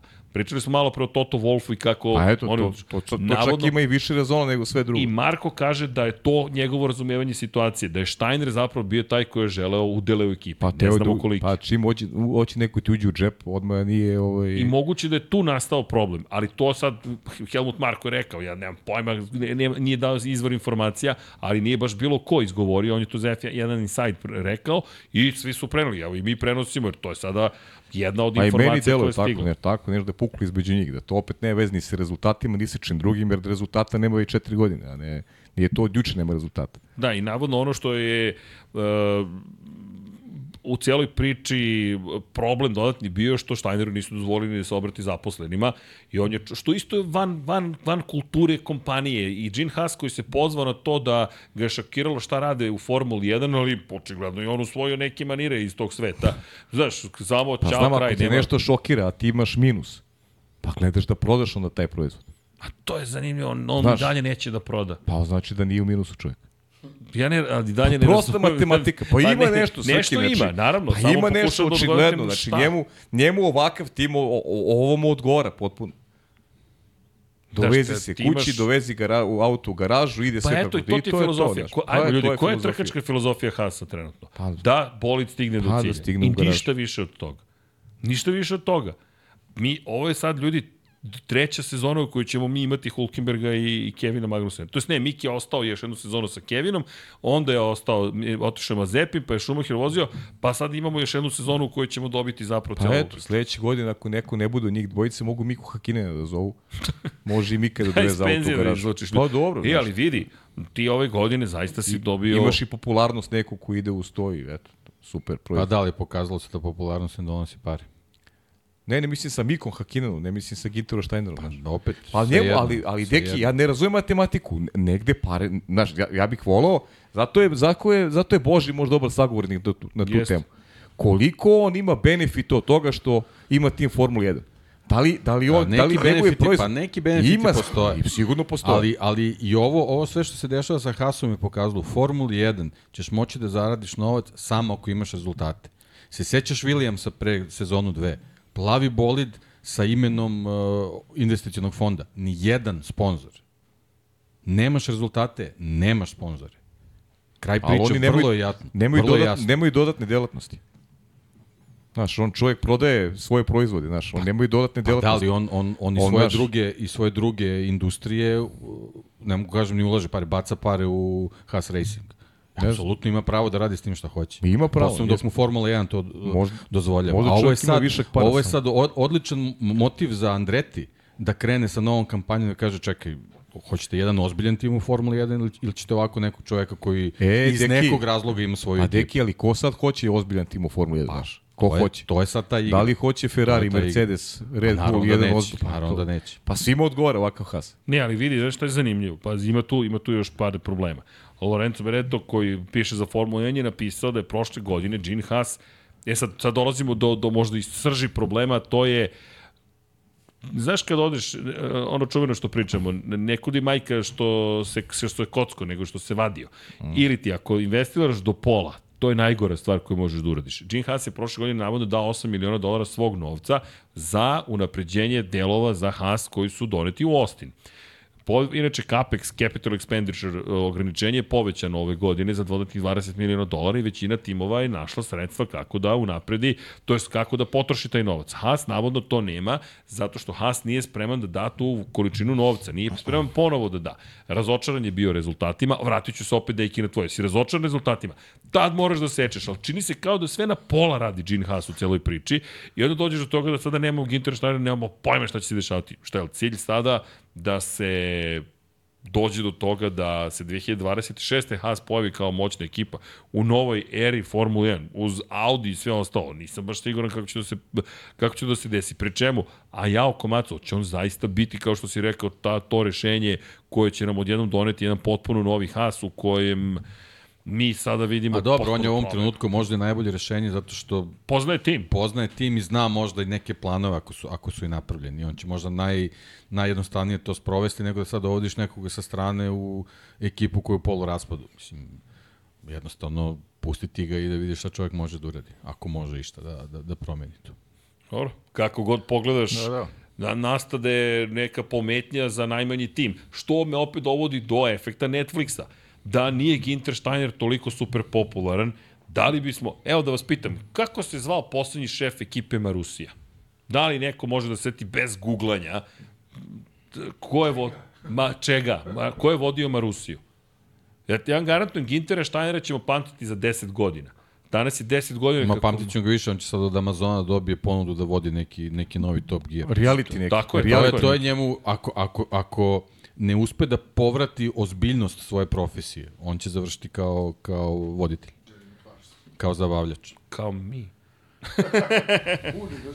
Na, znaš šta, Ali on ne može ovo. Može. na, naš, na šta smo zanemarali možda u celoj Šta? priči ovaj, uh, da li ima uticaja Ferrarija u, u celoj priči? Pa, razmišljao sam o tome. Ja mislim da je možda i njegov ulazak u, u Formulu 1 a, vođeni time da se možda nadu da će u nekom trenutku on biti, biti Alfa Tauri za Ferrari. Pošto Bilo je priče o tome, Tako je bilo je delovalo priče da o tome. Onda kaže, ok, ja ću balansirati svojim novcem dok bude trebalo i kad postanem ovaj, to što trebam da postanem, dobit ću još jedan veliki outsource. Da, a šta misliš da sada možda Ferrari u saradnji Ferrari sa... ne zna ni šta će sa svoja dva bolida, ne... Pa ne, ali, ali pazi, Haas. Haas ostaje... Čekaj, ko, ko će koristiti Ferrari agregate, agregate u buduće ovaj, u Formu 1? Pa, ne znam sad kakav im je Samo ugovor. Haas. pa samo Haas. Sam, pa, I dobro, i šta? Pa, Sa sad ti Dalarinom kažem. šasijom. Ne, ne, ali sad, sad vidi, sad, ne, dob, dob, Ne, ugovori stoje. dobra je priča. Pa da, ali, znaš, Jer vidi, kažem ti, Sauber odlazi u Audijeve ruke. Tako je.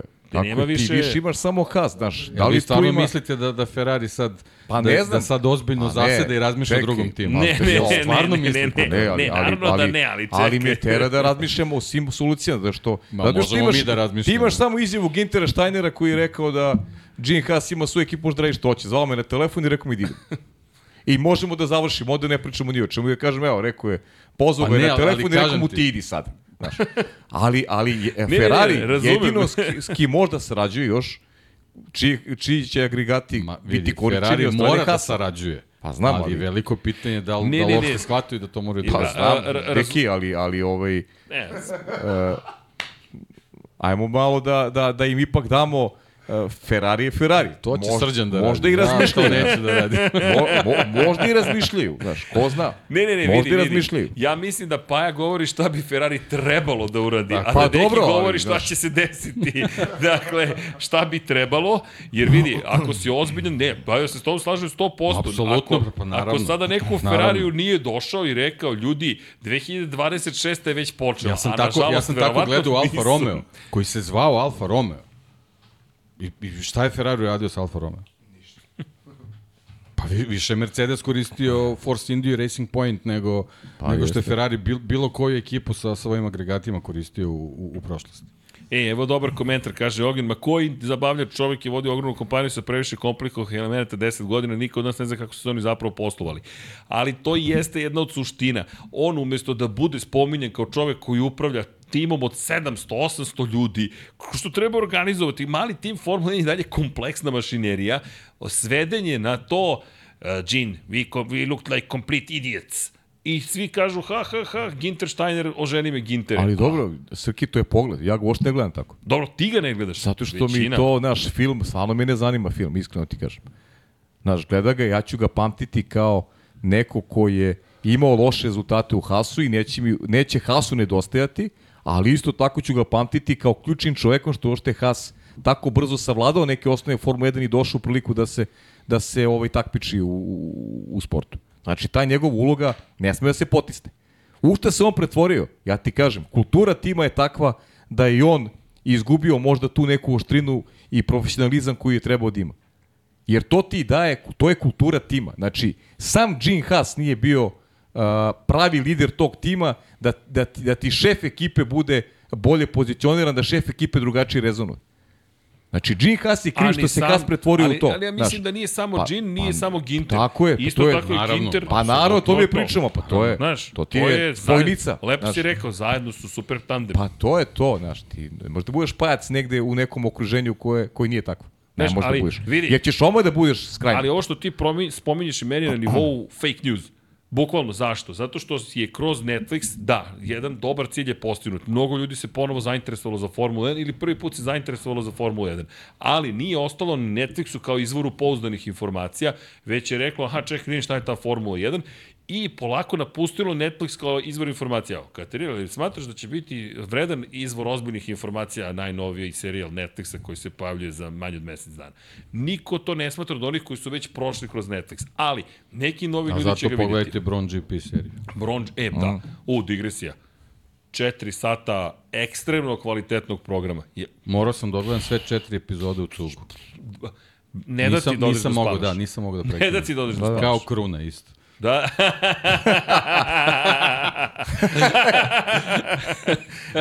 Sjajno. Okej. Ali da, ne, super je urađeno. Moramo to da, to moramo odvojeni podcast da napravimo. Za, za film, za filmsku, zim, zimsku, zimsk, ne znam, zimske čarolije u filmovima Treba nekog o... glumca dovesti onda. E, može.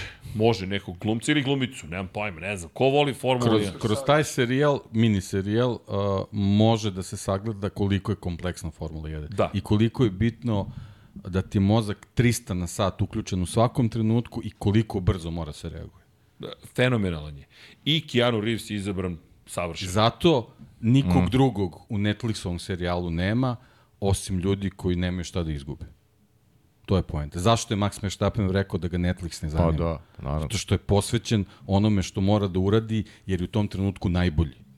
Kad si poslednji, kad sa tvojih bolida otpadaju pola osovine, naravno možeš i onda smisliš šta je najbolje. Aha, psovke. To je kao ono što pričaju za naše filmove. Kad ne znaš šta će s filmom, ubaci psovke i bit će super. No. To je jednostavno u Formuli 1 ne može da prođe. Znaš kako? A posebno kad treba neko da dođe ti da novac u tvoju ekipu ti bude sponsor. Gde, kao, Brenda Vernes, kao, šta je Brenda Vernes Hasa? Pa Ginter Stane, šta on radi? Kako će, pa psuje po Netflixu. Prećestajte me, pa ne, E, ali nećemo tako čudno da je, pričamo. deki, ali vidi, Mani Gram je došao zahvaljujući njemu. Mani Gram je kao title sponsor došao upravo zahvaljujući Ginteru Steineru. To je bizarnost ta cele situacije. Jer Mani Gram, koji je velika Kolik, ozbiljna koliki kompanija... je sponsor MoneyGram? Pa, Jel nije title došao i. Neos? Nije Jel- došao i pa Neos. Nije došao i nije, Neos. Upravo si, okej, okej, razumeš šta Jel govoriš. došla je Ti Strelja govoriš Galicija? U Što relativnim nije Strelja. Galicija sad prešla u Has? Zato što... Pošto je on, to je zabava. A zato što otišao Ginter Da, Steiner. zašto je tako otišao? piće. A, da, da. Ali zašto A ne, možda je zato dobio otkaz što ih Ali nije doveo. čekaj, čekaj, Da, zašto da. je Strelja Galicija otišla u McLaren? Ponovo. Iste koji mi ugovoravamo, vrat, sve jedno, ali zašto idu u McLaren? Zašto idu u McLaren? Da, zato što imaju Landa Norrisa i Oskara Pjastri. I kakvi su bili prošle godine? Odlični. To je poenta priče. Ok, ali ti tvoj renome neće biti ukaljen time što odlaziš u Tako je. McLaren i još Da jedna li će stvar. Andreja Stella da psuje na televiziji? Neće. Neće sigurno. I još jedna stvar, da li ljudi znaju ko je Andreja Stella i da li je to uopšte bitno?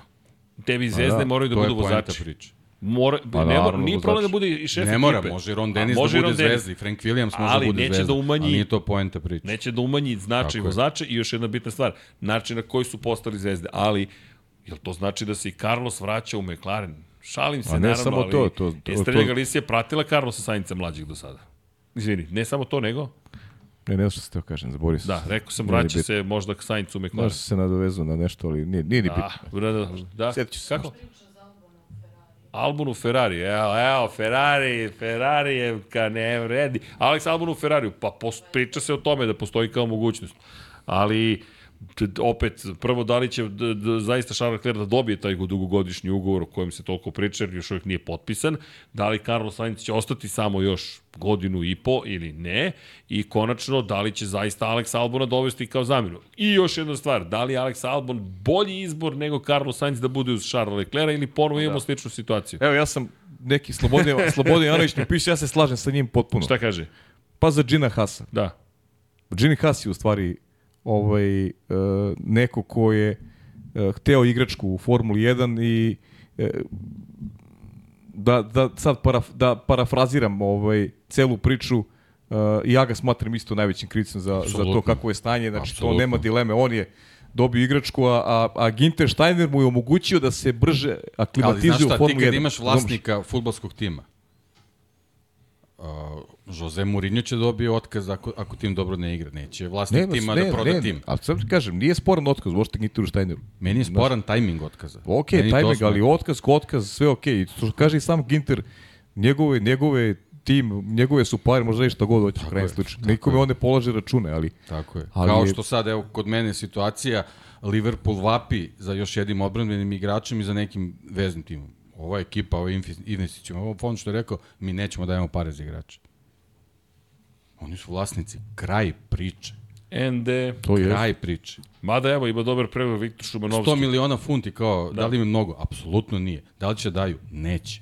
Kraj priče. Zašto? Može im se. Ili ima menadžera. Izvoli ovo, ovu ekipu što ima, igraj se malo menadžera, pa malo prodaj, pa malo zaradi, pa kupi. To je to. Ne damo više. I kraj priče. To ti je to. Jednostavno, ne, znači, je li kriv? Apsolutno je kriv. Jel možeš nešto da promeniš? Ne možeš da promeniš ništa. Inače, pozdravljam Mateja Miholića koji je postao novi svetioničar, početnik pred, nije baš sat, ali pola sata. Hvala! Dobrodošli u klub. Inače, Luka je donirao 100 dinara i kaže doće Binoto u Haas. Najde da vidimo da li će to da se desi, da li stvarno... Ja mislim da Binoto neće pristati da bude deo B ekipe nikada više. Vi ste bili šef Ferrarija. Posle toga možete samo da odete u neki projekat koji bi mogao da vam donese titulu u Formuli 1. Da, da igrate ulogu drugog menadžera ekipe, mm, teško. Osim što si u Ferrariju treba da pokažeš da umeš da napriš pobednički ekip. Ekipu, tako je.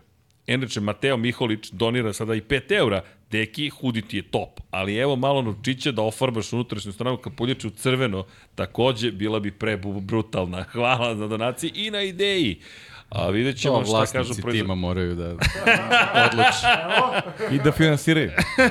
Evo ovako. E, e, e, sad vam nešto kažem. Ja samo vozim automobil do cilja. Patreon.com kroz Infinity Lighthouse, kad si već nabacio šptš, i dugmeš join. Dakle, kliknete na YouTube-u i pomažete ekipu da uže postoji. Vrlo jednostavno. shop.infinitylighthouse.com i takođe šta pomaže? Kada god kliknete like ili se subscribe-ujete, to takođe gura celu priču na YouTube-u, tako da Ukoliko vam se ovo dopada sve i želite da rastemo i razvijamo se i dalje, pa ukoliko možete, svaka podrška je dobro Da ne budemo, ako hoćete da ne Hvala. budemo kao Has, pomozite.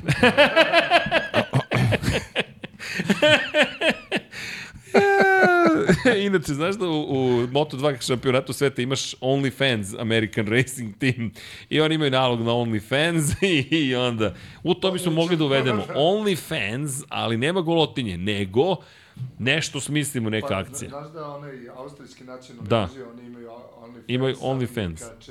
OnlyFans, čestitamo, kažemo vam, gostujemo po svadbama, čestitamo rođendane, veselja i ostalo. Pevamo. Pevamo. Makar i promukli. Pijemo. A to je najmanji problem. Kamilicu. Kamilicu. Pa, Kamilica, naravno. nana i hibiskus i sve u redu. da. KNH. ne znam šta je, skratica ali kamilica, nana, hibiskus. KMH. Eto. tim, ime za tim. A no, brale, danas si dobro skraćenici imamo Brale, to ćemo do, to brale, dosta. Brale, to ti kažem, Benetton, Renault, dosta... Alpina, Lotus, Bravo. Odlično, odlično, bravo. uh, Elem, uh, hvala Mateo Miholiću. Dakle, kaže Srki go kao bota za OnlyFans. Zarada 0 dinara. Mora, mora, ali na 89 kg. A na da. 89 kg. A da, to si rekao ćeš brzo, tako? Ej, ljudi, čekaj, čekaj, hoću, pa rekao Brzo, sam, pa, pa, evo stavili su me i na društvene mreže, ne znam dakle ta ideja, ali ajde. Inače, Hasan Bratić se javlja, pošto si spomenuo, nije me Hasan fotografisao, pa zato nema tvog kalendara. I piše mi Hasan, kaže, koji, što, kad je trebalo da dođem da fotografišem? Ja sam Ja profesionalac. sam profesionalac, znaš kao, propustio sam negde da uradim neki posao, pa to neće moći. Ženo, rezerviši kartu za Beograd, idemo. Bolje, imam, imam posao. A za kinesku novu godinu Za možda. kinesku to ti kažem, a mi kao zmajevi. Da, da. Ne, ne, ali ozbiljno čovjek mi se javlja, kaže, Srki, šta priča Paja, kad, kad je trebalo da dođe na fotografiju?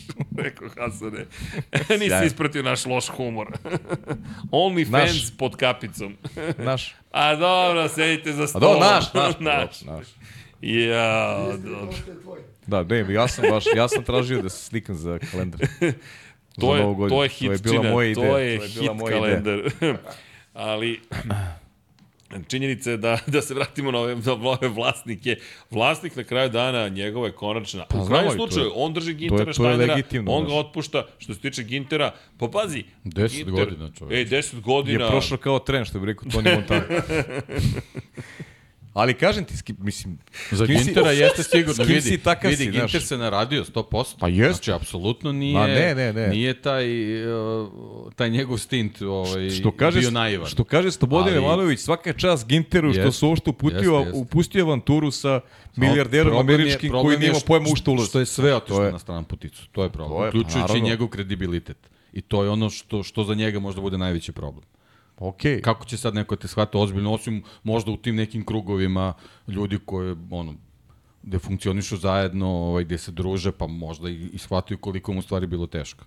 Ali, ali generalno, ovaj, otpušten si, loši su rezultati, da li je dobar tajming, apsolutno nije, da li on ima pravo kao gazda to da uradi, da li je trebao, možda nije, ali Znaš kako, možda Ginter ima tu umetničku crtu, znaš, on je to shvatio kao film, pa, znaš, to je film, to je nešto što nije život, nego je film, pa je ovaj, što ja kao ispade kao da brani Gintera Steinera, u stvari stvarno neće nikom nedostajati tim sportskim rezultatima, ali je stvarno, i ne želim da ga gledam kroz film, zaista.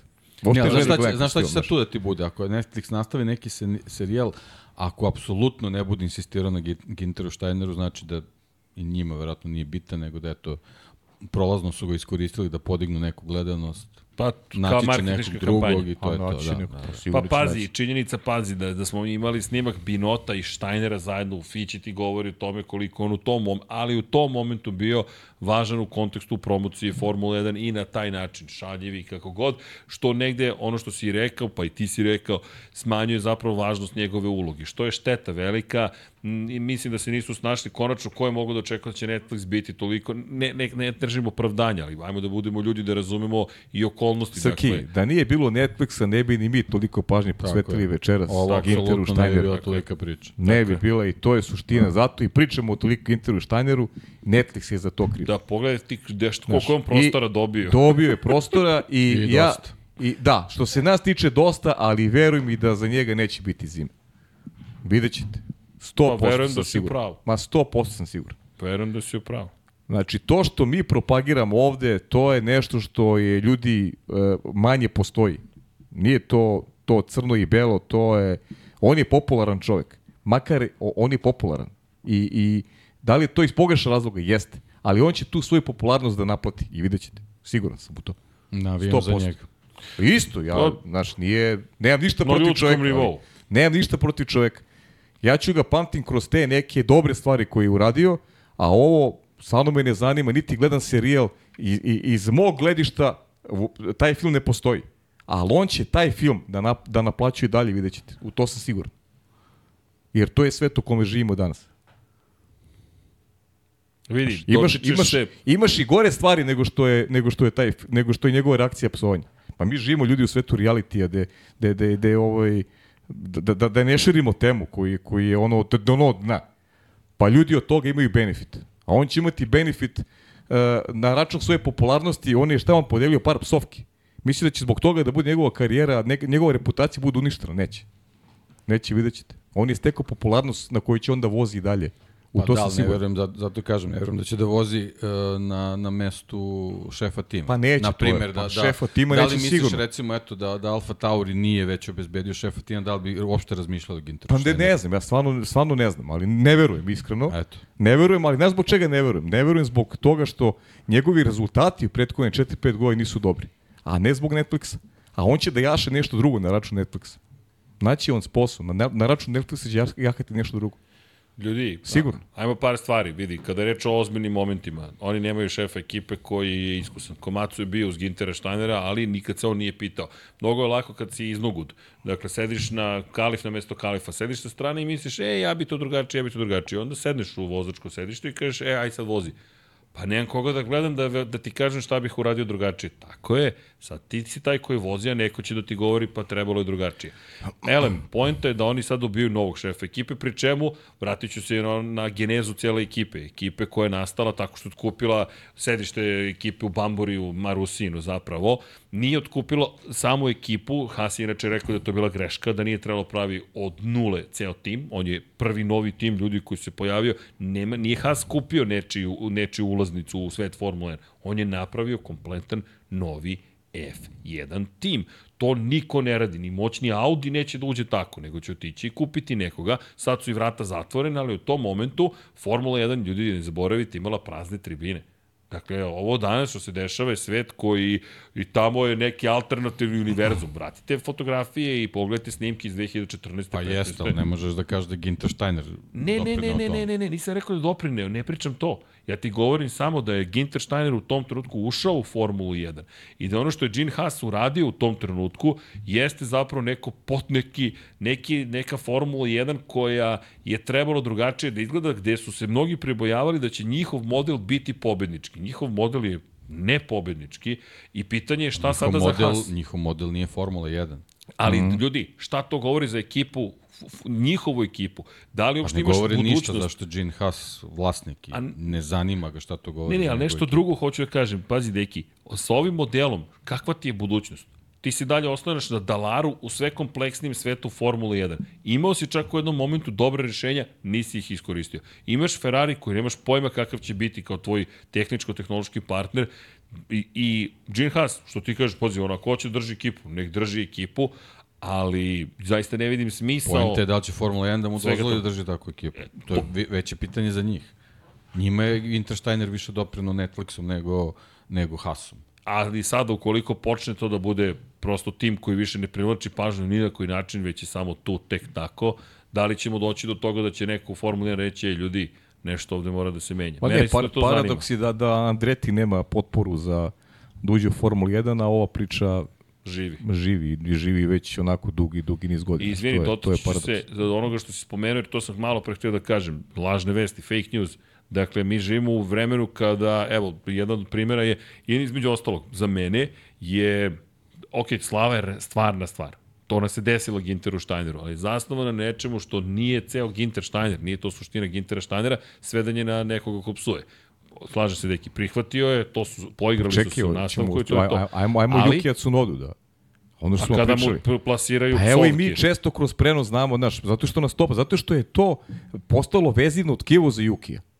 Nažalost, tako su ga Znaš, ofarbali. To je, to je najveća, najveći bizarije ovog nekog modrog vremena u kojem živimo da su sportisti ozvučeni. Najveći bizar. Kad god sam igrao neki to, evo, sedimo... Pod stresom, pričamo pa ne, uvek, često o uvek tome. Psujem. Ali Uvek. pazi, to- I sad treba neko da me oz... Pa evo, za malo, je- i sam otišao u etar, za malo sam, mogu sam kažem svašta, ono. Pa, Ali, da. Zato što sam zaborio da isključim regler.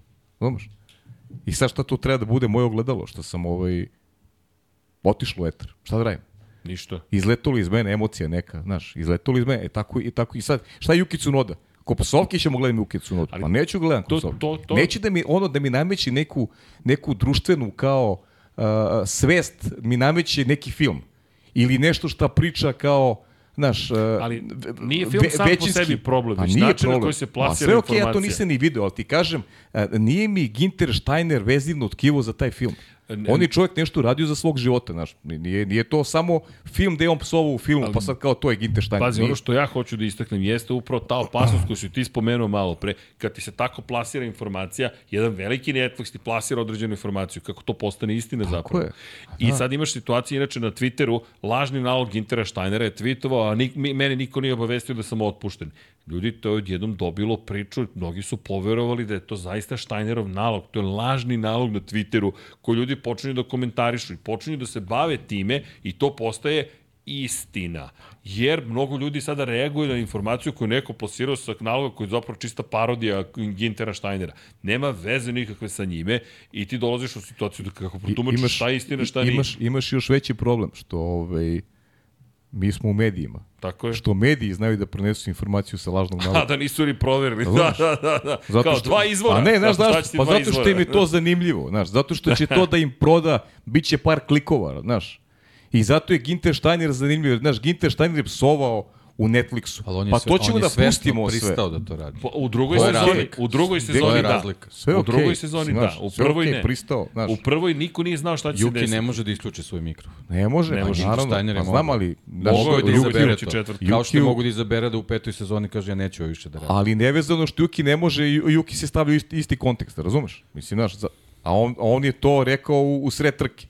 Ti sad razmišljaš o mikrofonu u sred trke, pa te to ima, to, to, to, ne, to je nemoguća misija. Znaš, znaš, voziš 300 na sat i razmišljaš da će neko te čuje, pa ne, ti imaš emociju neku. Znaš, ne treba ti mikrofon uopšte u kokpitu, šta će ti mikrofon? Znaš, to, to, je, to je glupost. I onda, i onda u Jukiju pričamo Možeš da imaš kroz... vezu sa ekipom. Da, mora, da, da. Ok, možda imaš vezu, ali, da, ali ne da ide u etar. Ok, da ide u etar nešto što je rekao, To ne je ti. opet za ti moraš da- ko Moraš da kontrolišeš to, znaš, da ne puštaš u etar neku psovku, znaš. Da, inače, peta sezona Drive to Survive će biti dostupna 24. februara. Jel tako? Ne, to je šesta, ne, to je prošle godine bilo. De, ko, ove godine koja će biti? Čekaj, pogrešno sam zapisao, moram da, da googlamo. Ne, ovo je šesta sezona. Google. E, moram da vidim. Ne, 23. februar. Znam da je tako nešto. Šesta sezona, izvinjam se. 23. februar. Katarina me značajno pogledala. Mm. Inače, to je petak, jel tako? Da, 29. ja ću je biti u Pragu. četvrtak. Kad? Bićeš u Pragu? Da, Kad? 23. februara. Da. A steće U februar? svetskom prvenstvu rowing. Indoor rowing. A, A, vesla. de, ali, ćeš da podeliš priču? Pa rekao sam već. A, da, već se zna. A ti ne Ne znaš. znam, ja ne znam. Šta, Pa, znaš, ko je, zna. znaš ko je Ja ne učesnik, da ne kažem učesnica, svetskog prvenstva u dvoranskom, Dvoranskom veslanju. veslanju. A u dvoranskom veslanju, ja? Na, ma, na mašini. Na mašini, pa dobro, Da. to je Znaš ko? Gospodja. Stvarno. Da. Ne zeze. Da, slušaj ovu priču. Stvarno? To otvore Da, šaša. da, svetsko prvenstvo je. To neko zove onaj, ta, ono je, nije, kako zove ta sprava, veš? Ergonometar. Tako, ergometar, bravo. Ergometar. Da. Da, ovaj, e, to je zvanično svetsko prvenstvo, aktivni sportisti učestvuju, ali ima i kategorije za amatere i veterane. Aha. Bi, bi eto tako, nekako. Bravo, Ispade, bravo. Da. O, to je, ali to je mnogo dobra sprava. Jeste. Mnogo dobra sprava. Znam, jedan period sam ovo, išao da, sad nije ni bitno gde. Kazat ću stvari, već klub Partizan, tamo je bilo neki... A momenat gde da- bi Pa, pa da, odatle je to i krenulo. Ne, ne, ne, gde je mogu da se, gde, gde je mogu da se da. rekreira. Bio je jedan odeljak za, za ove rekreativce. Počelo je kao onda za zimski išao, trening veslača. tako, pa, da. i tamo sam prvi put, iskreno ti kažeš, tamo sam prvi put i probao spravu. A ovo, ono je fenomenalno.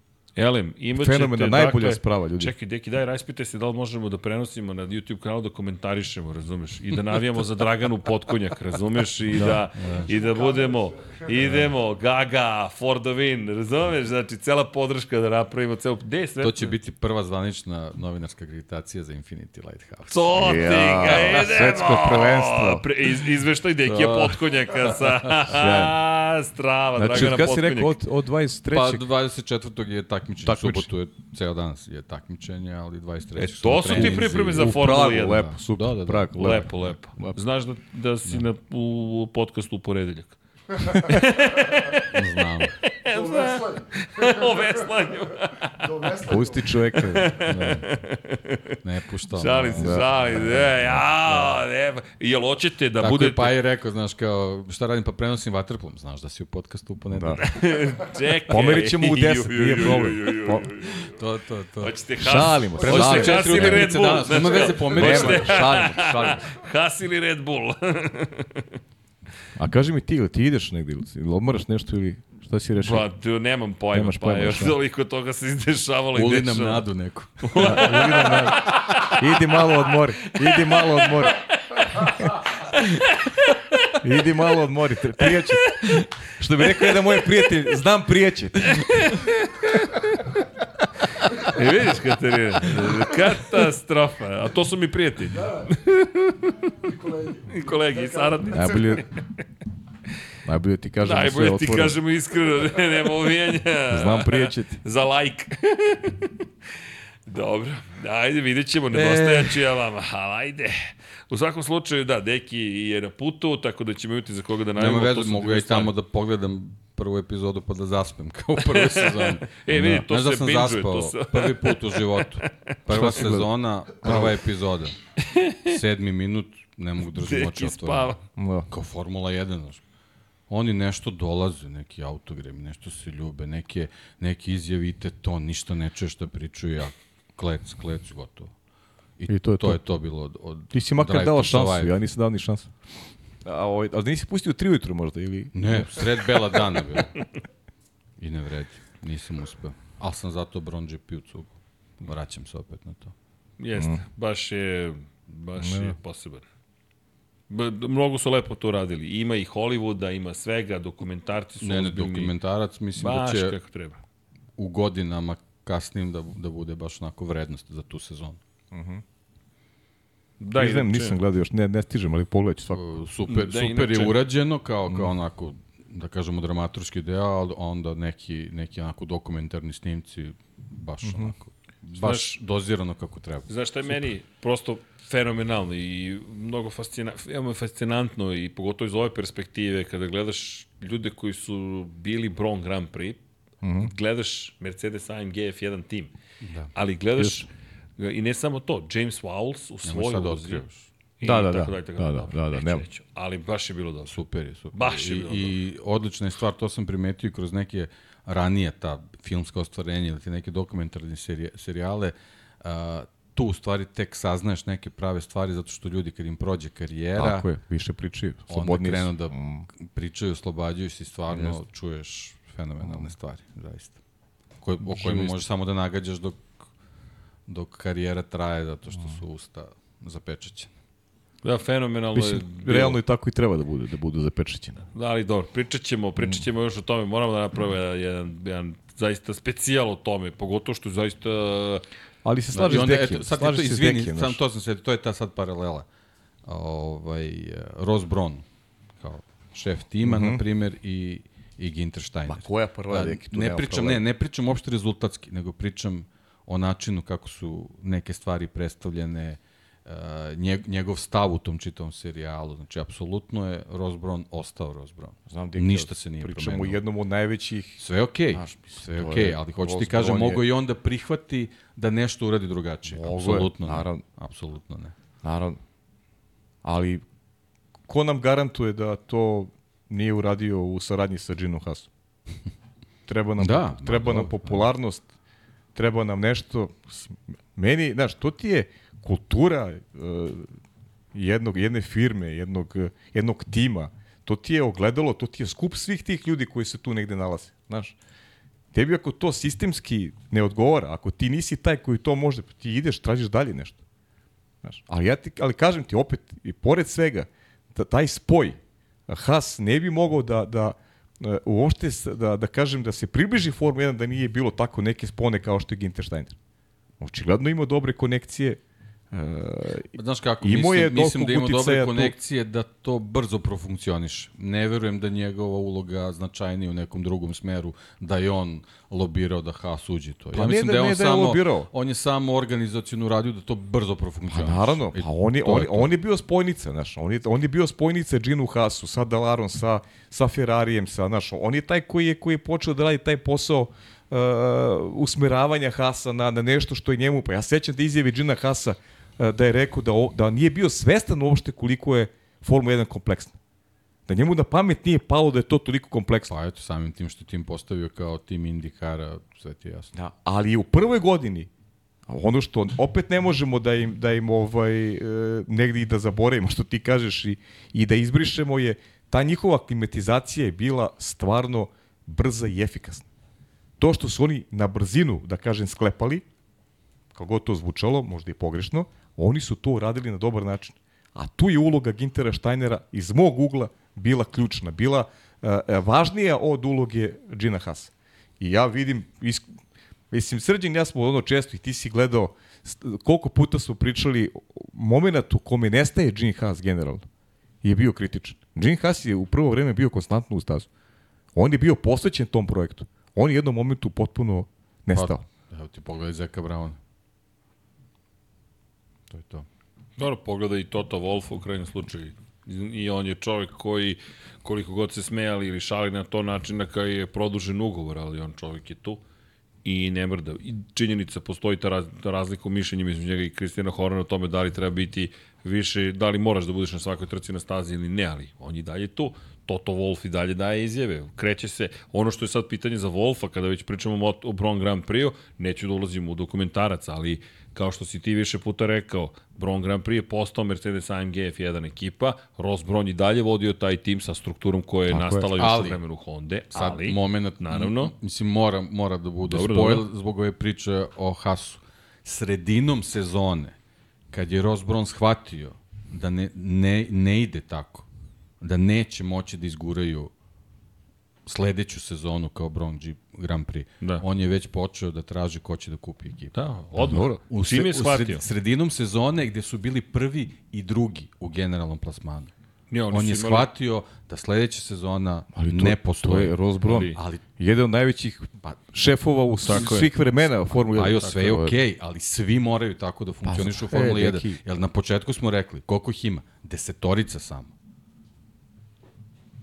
Znači, na, na pola ove sezone, ne, ne na ove, prethodnih osam, Ginter Stein treba da kaže, čovječe, mi sledeću sezonu nemamo, ja neću ovo da radim ako ne, ne dobijemo to, to i to. Nema, nema to, smisla raditi ne, Nema to. smisla. Ali drugi su ambicije bile. Ali, pa do, ali vidi, iz nekog razloga i on ostao 10 Tako godina. Tako je, pa zato što su bili okupljeni oko istog interesa. Međutim, to je nešto je puklo. Da, vidi. Ja tako, nešto je puklo među vidi. njima i zato se to i desilo. Loše tajmingu koji si naveo i desilo se tako neočekivano i u krajnjem slučaju njemu ugovor istekao E, ljudi, početka ove pitanje godine. i ambicije. Ko je koliko ambicije? Ross da. Bron je uvijek bio ambiciozan da stigne do samog Bron, Ross Bron je I kraj. to je uradio. I ono što si lepo rekao, kada nije mogao da preživi Bron Grand Prix, koliko god je bio ponosan što piše Bron Grand Prix na pobedničkom šampionskom bolidu, rekao je prodaćemo ekipi. Pri čemu Mercedes nije htio da kupi bez perform, bez postignutog rezultata. I Mercedes je to rekao. Da bismo mi kupili tvoj, tvoj tim, dobit ćeš ciljeve. I dobio ciljeve. I ostvario ciljeve. Ali, ja kad, kad mi ste pitali, neko je pitao na ulici, asocijacija prva na čovjek, na uspešnog eh, vođu ekipe, ja bih prvo rekao Rozbron. Ne znam, ja bih prvo rekao Ali Rozbron. vidi, ono što je Onda bi razmišljao. Rekao bi Rozbron, pa bih razmišljao za dalje. Pa dobro, Rozbron, Jean Todt, Ron Dennis, Frank Williams, to su ozbiljni pa, ljudi. Pa dobro, mislim, ali eto, Znaš, kažem ali ti, vidi, ja bih prvo Ross Brown rekao. Ali vidi, Ross Brown ima, kada je reč o tome, baš ogroman utjecaj. I kroz Benetton, i kroz Ferrari, i kroz Brown Grand Prix, i kroz Mercedes. Jer ono što je Ross Brown postigao, što ostali koje sam naveo nisu, nisu promenili ekipe. On je od ekipe do ekipe, kao Adrian Newey, donosio rezultate. Gde god I, se pojavio. I ono što je uradio, a Newey nije uradio, postizao je to na različitim pozicijama u okviru tima jer on iz Ferrarija kada je otišao, nije se vratio u Hondu na istoj poziciji na kojoj je bio, već je hteo da bude menadžer tima, a onda je postao vlasnik tima. A onda je prodao pa, taj dobro, tim i nastavio. Dobro, to su stvar ambicije. Da, da, ali kažem ambicija i ono što je, i meni... Da, da, okej, okay, njega jedan cilj. Drugu ambiciju ima, naravno. Da pobedi na 24 časa Le Mans. Tako je. to je jedini cilj. I ostvarit će ga. Pazi, samo me zanima s kim će da ga ostvari. Na kraju, pazi, kada budu Alonso i Verstappen zaista deo ekipe u, u nekom bolidu koji on izmislio, automobilu, vozilu, što god to bude, ali, ali bih se nadovezao samo na jednu stvar, a to ima direktne veze sa, sa Mercedesom u ovom trenutku, jer Mercedes je doživio brojne promene. Toto Wolf sada ima najveći zadatak u svojoj karijeri. Dobio si produženje ugovora, ok, još tri godine. Da li ti zaista možeš da Mercedes vratiš tamo gde je Mislim bio? da je njemu to ambicija da to ovo javno saopštavanje, potpisivanje ugovora, to i govori, zato što je na ovaj način da ono mirnoću ekipu. Ja mislim da ni oni zbog svih glasina nisu bili sigurni šta će biti s timom i da ovo, ovo saopštenje njima apsolutno nije potrebno. Iz, da. iz perspektive kao da javno sazna da je to zaista tako. Ne, mislim da je ovo baš upućeno ekipi da da ovaj da budu mirni i kažu da sledeće tri godine to to je tu, to, to je, da. tu, tu, tu i Mercedes, tu i Mercedes. Tako da, to je i Mercedes. Pa, Ali da, mi je fascinantno sada da vidimo njega, ok, Toto, hajde ja, sada vrati dve vesti Mercedes su pozitivne. Toto Wolf ostaje i bolidi u simulaciji bolji nego prethodne dva. Mm. Da. To su dve Zapravo, poslednje pozitivne vesti iz Mercedesa. Da, Anthony Davis, a saopštio je tu vest o simulatoru Toto Wolff. Dakle, Toto Wolff je rekao da Anthony Davidson, koji je probni vozač, u simulatoru WA15 vozio Melbourne, dakle vozio Albert Park, i rekao da je prvi put ovo bolid u ovoj eri posle dve godine koji liči na trkački bolid. Tako da ko navija za Mercedes, možda, samo možda, vidjet ćemo, ali njih čeka 15. ozbiljno. januara 15. 2024. su stigle lepe vesti. Su stigli lepe vesti, da, da, posle dve godine agonije. E sad, da li će, Vidjet ćemo. šta, radi, šta rade oni drugi, sad vidjet ćemo i ovi treći. Ovi Katarini su spremni već. Katarini, oni, oni su spremni. Oni već su već spremni. Oni su rođeni spremni. Da, de, da, definitivno. Pa dobro, ali pazi, ta napredovanje i Red Bulla i Mercedes i sve to, to uticalo, neće više da se vraćamo na Haas, ali čisto i na molim Ferrari. te, dosta. Što ne- Nemoj molim te. Ja sam mislio da ćemo do jutra o Hasu.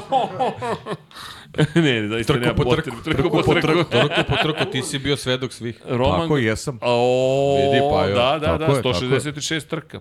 Tako je. Ni s tobom se nisu pozdravili. Nisu. Git, Gitar me nije zvao. A Jean? Nije mi čak ni poruku posle. Sa Džinom nisam da... Neki... A Joe Caster? John, John nema moj broj. John nema broj. Ali činjenica Ne, je da, da. da sve ove sve ovi napreci su doveli do toga da se zaista Formula 1 promenila. I sad mene zaista zanima ovo sa Totom, šta će biti s Mercedesom? Sad će biti s kućom. Tako je. E, inače, kada spominjemo već i Mercedes i kada spominjemo šta se sve dešava, samo da napomenemo i koji su datumi za za pre- predstavljanje bolida. Da, tako I. Red Bull je pri- prijavio takođe, ne znam Jeste. sa koji Pa tri samo nisu. Da. Haas. A ne, Haas nema boli za sledeću godinu. pa, Ne, nema šta, Barcelona, prvi dan testiranja, to je to. O- Bahrein. Bahrein, Bahrein, izvini. Bahrein. Poslao si me, grešao kako si me sad ne, lansirao. ja- Sam bilo, e, molim. Sto stvari u glavi. Da, Da, ali Red Bull je potvrdio da će 15. februara zapravo predstaviti, nadam se, jer prošle godine su rekli predstavljamo bolid u Njujorku, onda su pokazali stari bolid, da Max, kako ti se dopada novi bolid? Sjajan je, ono stari prošlogodišnji bolid. Dobro, ono je bila Fordova promocija. Ona je bila bukvalno Fordova promocija. Elem, 5. februara Zauber, 5. februara Williams, 7. februara Alpina, 12. februara Aston Martin, 13. februara Ferrari, 14. februara Mercedes, 15. februara Red Bull, još se ne zna za Haas Alfa Tauri, ne znamo ni kako će se zvati Alfa Tauri, i McLaren koji će biti datumi to je makar poslednja veste sad, možda je, možda, možda se nešto desilo umeđu vremenu. McLaren je obrisao sve sa Instagrama. Gasi, Srki, to je kraj. Kraj Formule 1. A ako nema McLarena više na Instagramu, Čeka velikog sponzora samo, pa da. da, da sve rebrandira retroaktivno. da, da vidimo. McLaren obrisao sve. McLaren. Kako prazanje. Ima nova 2%. Da bismo se svi pitali šta se zbiva. Marketinška igra. Marketiške igre, da, da, da, da. Whatever it takes. Whatever it takes. Power, glory. Zack Brown je shvatio kako funkcioniše Formula 1. Da, jel, mislim da je shvatio? Uf, pa ne... Čim mi neko ima takvu kolekciju automobila, jasno ti je da, da, da Dobro, zna pošteno. ovaj, gde dolazi i zašto je došao i šta planira da uredi. Pa, dobro, deluju mnogo ozbiljnije nego što su izgledali, odmah da se razumemo. Ko Haas? Ne, McLaren. ok, lepo si me Evo, Deki nas pozdravlja Andrić, kaže, Lepo. nemojte zaboraviti, Haas ima najviše sati u tunelu, možda nešto i pronaći. U kom tunelu? U tunelu, ovom ovde, I na kanalu je. U terazijskom. terazijskom tunelu. Na kanalu. Da, dobro, ajde, vidjet ćemo da li će se nešto zaista promeniti ili ne, ali... Ti kažem, na kraju će da bude da je Ferrari ima tu umešne prste. Pa, o, okej. Pa vidi, meni se, ja mislim da, si, da ti nisi daleko od istine. Takođe, Deki, mislim da ni ti nisi daleko od istine, da oni kasne sa Samo si svime. fin. I, da. I da ćemo doći u situaciju da je Ferrari to negde zamislio i želi, ali neće baš ostvariti to kako je isplanirao. I to je to. Ne mogu ni da razmišljaju toliko stvari, to je poruka Katarine koja je navija. 95% novih delova. No. 95% Treba to sastaviti. Treba Ja sastaviti. ovde kad istresem ovo, ovaj cvetić, Lego je. ovaj cvetić Lego, pa ne mogu sastavimo, zamisli Ferrari. Sad, Si sastavljao? Sad, ja sam i završio. Završio, a? Završio. Bravo. Da, eno ga, dec već. Počeo 23. završio 24. Bilo je iza Ve, tebe. već i u Venulu, u Venulu je već. U Venu, a Tamo da, je da, ne, zvanično, zvanično je tokom nove godine. Aha, na policiji. Da. A, eno, U sobici na policiji. U policiji? Ti ove mangupe preko puta što sve uzimaju. O, morat ćemo porazgovaramo. Morat će se naplatiti to dodatno. Da, da. Srki je otišao pod sveće. Plastična. Cr crke voli sve. Idi, idi da zaliješ posle vas. E, Ali kiselom vodom mora, da znaš. e, ljudi, Tada bolje na buji. da se dotaknemo... Zbog mekurića. da se do... ne, ne, ne, ne. A, da se dotaknemo još jedne stvari koje smo samo ovlaš onako potkačili, a to jeste Strednja Galicija. Da li, pošto ovde neko napisao, nisam zaboravio se sad ko je, da li ćemo doviditi Rokadu, Lando Norris i Carlos Sainz, Lando u Ferrari i Carlos u McLaren? Da li biste volili Landa u Ferrariju? Ovde se odmahuje glavom vrlo ozbiljno. To je samo, eto, ljudi, Pitanje za Rosa, o, za Rosa. Zeka, Zeka Brauna, da li, da li želi Landa Norris u Ferrariju? Zeka Mislim Brown. da ne, da. Ba, verovatno ne. Tako da, mislim da se on prvo pita. Dobro, ajde da vidimo. Ajde, ba, bit će, ajde, meni je to zanimljivo. Ne, stvarno, ne, ne, Prat, ne, pošto Strednja neki- Galicija je zaista pratila, ali ja vidit ćemo da li su rešili da budu međunarodni i da kažu nema više veze sa Španijom, ovo sad ima veze sa popularnošću. Pa dobro, to što nisu sponzori Ferrarija ne znači da ne ostaju kod Sainca. Nekog sam shvatio, neće ih biti na, na rukavima. A Kod neće njega. na rukavima biti. Da. Ali ajde Dobro, vidit ne mogu da ostanu skriveni sponzor, ne moraju oni da se, da se pojavljaju. Kao Da. što je Red Bull godinama bio Kimijev sponzora, nigde se nisu pojavljivali, tako da nema to, ne mora to ništa znači.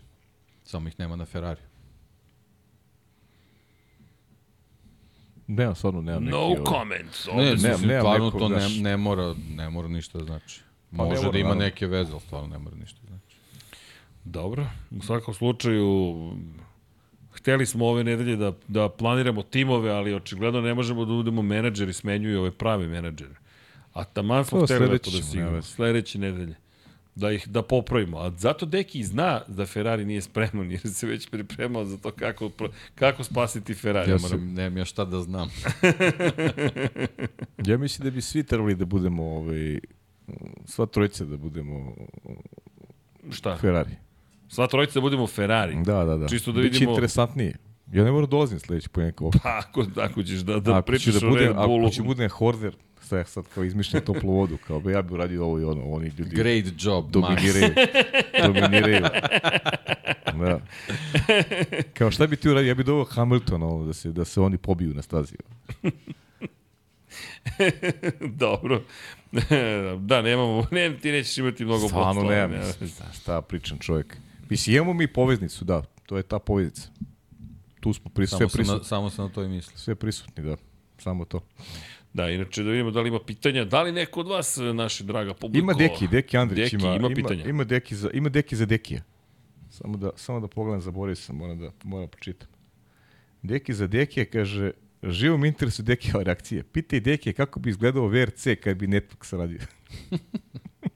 Kako bi izgledao VRC kada kad bi... bi Netflix radio, da. Pa ne, možda bi bio interesantan, znaš. Zato što je Znaju da je sam po produkciju. sebi, da, da, znaju oni produkciju da radi. Ovaj, ali e, Formula 1 je malo specifična. Ovaj, imate neke sintetičke stvari koje jednostavno ovaj, ne možeš na silu da, da menjaš. A rally bi možda bio interesantan čak. Mada E. sa ovako smanjivanjem broja automobila ne znam ko bi, ko bi učestvovao u serijalu. Ko bi htio da psuje, imaš ideju? Znači, sledeće godine će imati, baš smo se danas dopisivali, 8 do 10 automobila u najjačoj kategoriji. 8 do 10. 8 do 10. Samo 8 stalnih vozača ima, ostali su povremeni. Tako da 10 ako bude puna kapa. Ne znam zašto, zašto se to desilo s VRC-om, ali, ali nije dobar put.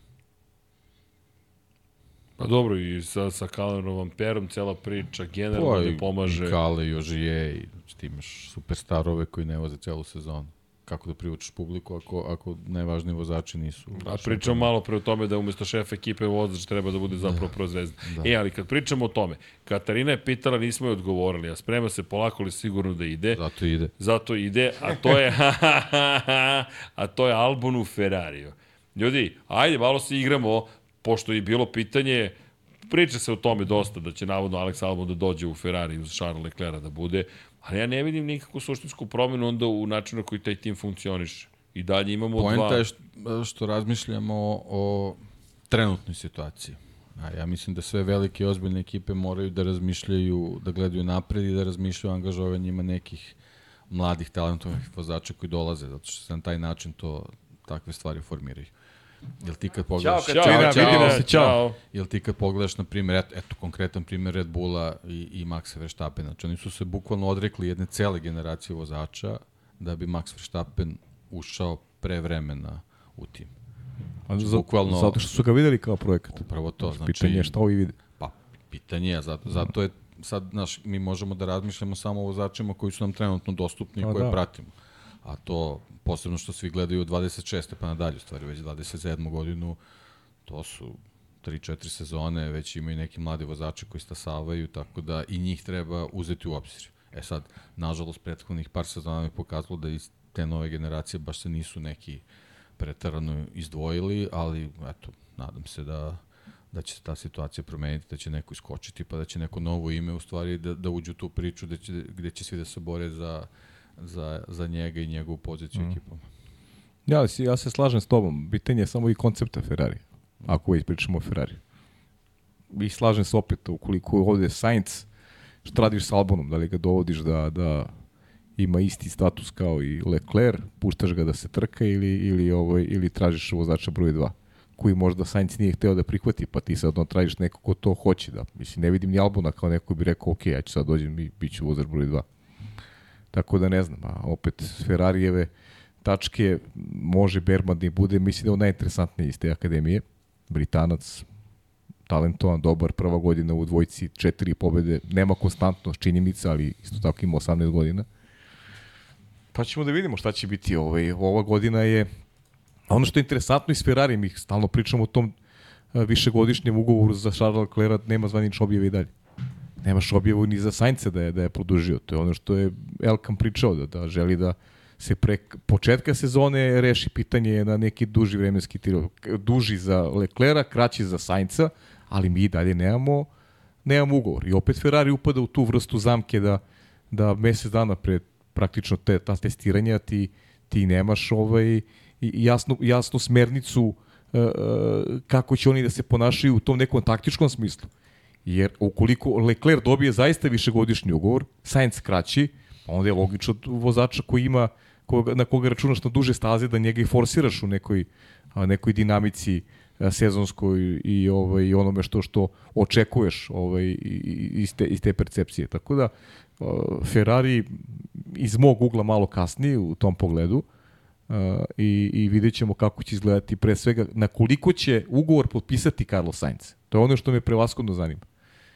Jer ako on ostaje tu u periodu od dve godine, onda mislim da da nema potrebe da razmišljamo o nekim drugim vozačima, znamo postavu i... Da, da onda će u stvari ako se to desi sa Saincom, zanimljivije biti koga će Audi da angažuje. Bravo. Da li onda Albon taj? Da li on za Audi? To je... Mislim da se tu, deki, upravo si bi, da. mislim da se tu i vodi ovo je neka priča to, za Sainca takođe. To je, to je sad isto stvar, uh, Srki spominja Jamesa Vausa, znači sad je veliko pitanje u kom smeru će Williams da se razvija, da li Williams ovaj, raspoložen, zainteresovan i ambiciozan da Albon ostane u ekipi koja će možda u sledećih par sezona da, da, da. da, se, da se vrati donekle na neke ovaj, staze stare slave i da, da li Albon želi toliko da čeka i da, i da ovaj, uh, teži ka svom razvoju na taj način, kao što je pitanje da li će ovaj, um, Lando Norris da proceni da je sad možda prava prilika da se ostane, ostane u McLarenu, ako već sve ove sezone izdržao, da sad kad, kad, kad McLaren očigledno pokazuje da, da može mnogo ozbiljnije da uđe u igru, da li treba da ostane tu. Tako da, to su sad te neke igre koje u stvari prave, prave taj lavirint i tu mrežu oko Ferrarija koji generalno ovaj, e, može da se desi da će imati poziciju gde mora da dovede nekog. Ima još jedna tu stvar, ljudi, polako dolazi nova generacija vozača. Mi pričamo o Albonu, ali ono što smo pričali prošlog puta o tome ko su stari vozači, ko su mladi vozači, ti polako dobijaš generaciju koja ima veliku podršku od akademija, koja... Ma ja pre svega pričam, sad smo 24. ja pričam o 26. godini. Jasno. Svi ovi vozači kojima pričamo treba dodati dve godine. I ono što si rekao, dostupni godište. sad. Tako je. Dostupni Tako sada i ono o čemu mi pričamo je ono što je trenutna situacija, ali kada pogledaš, ti imaš veliki broj mladih perspektivnih vozača koji imaju ozbiljnu podršku i sponzora i akademija. I pitanje je koji ćete skinuti i skloniti, jer vidi. Pa zašto njih Evo ti ga- ako nećeš da ih koristiš uopšte? Pa, ne- Pa, čemu, ne znam. čemu akademija ako ne želiš da ih Evo koristiš? ti ga Daniel Ricardo priča na zvaničnom sajtu Formule 1 je 10 godina od kada je prvi put vozio za Red Bull. 10 godina ljudi je prošlo od kada je vozio za Red Bull, ne od kada je debitovao u Formuli 1, nego kada je stigao u veliku ekipu i tada zabeležio tri pobjede, Sebastian Vettel nije zabeležio ni jednu pobjedu te sezone 2014. To je 10 godina od kada smo mi gledali Daniel Ricarda kako postaje super zvezda. Do tada je bio perspektivni vozač Tora Rosa i neko od koga očekujemo mo, možda dobre rezultate. Ne očekujemo, nego gledamo da li će se zaista desiti dobri rezultati. I sada gledaš, Daniel Ricardo je i dalje jedan Pa, od glavnih ali eto vidiš, to je, to je upravo ono što sam malo prepričao. Red Bull su u jednom trenutku odrekao Daniela Ricarda, Alexa Albona, a, Daniela Kvjata, Pierre Gasly. Pjera Gaslija. I celu tu generaciju preskočio da bi doveo Max Verstappen. Pa dobro. Dobro, vidjeli su ako, nešto u ako čoveku. se ozbiljno razmišlja, mora na taj način da se razmišlja. S tim što uh, tu odluku treba Ferrari da donese, McLaren ima Landa Norrisa, Williams u ovom trenutku ima tog Alex Albona. Znači Ferrari je u ovom trenutku baš u situaciji gde mora brzo da preseče. Opet moram to da Po izgovorim. čemu je baš poznata ekipa. Da, baš sam Da. počeo se ponavljam.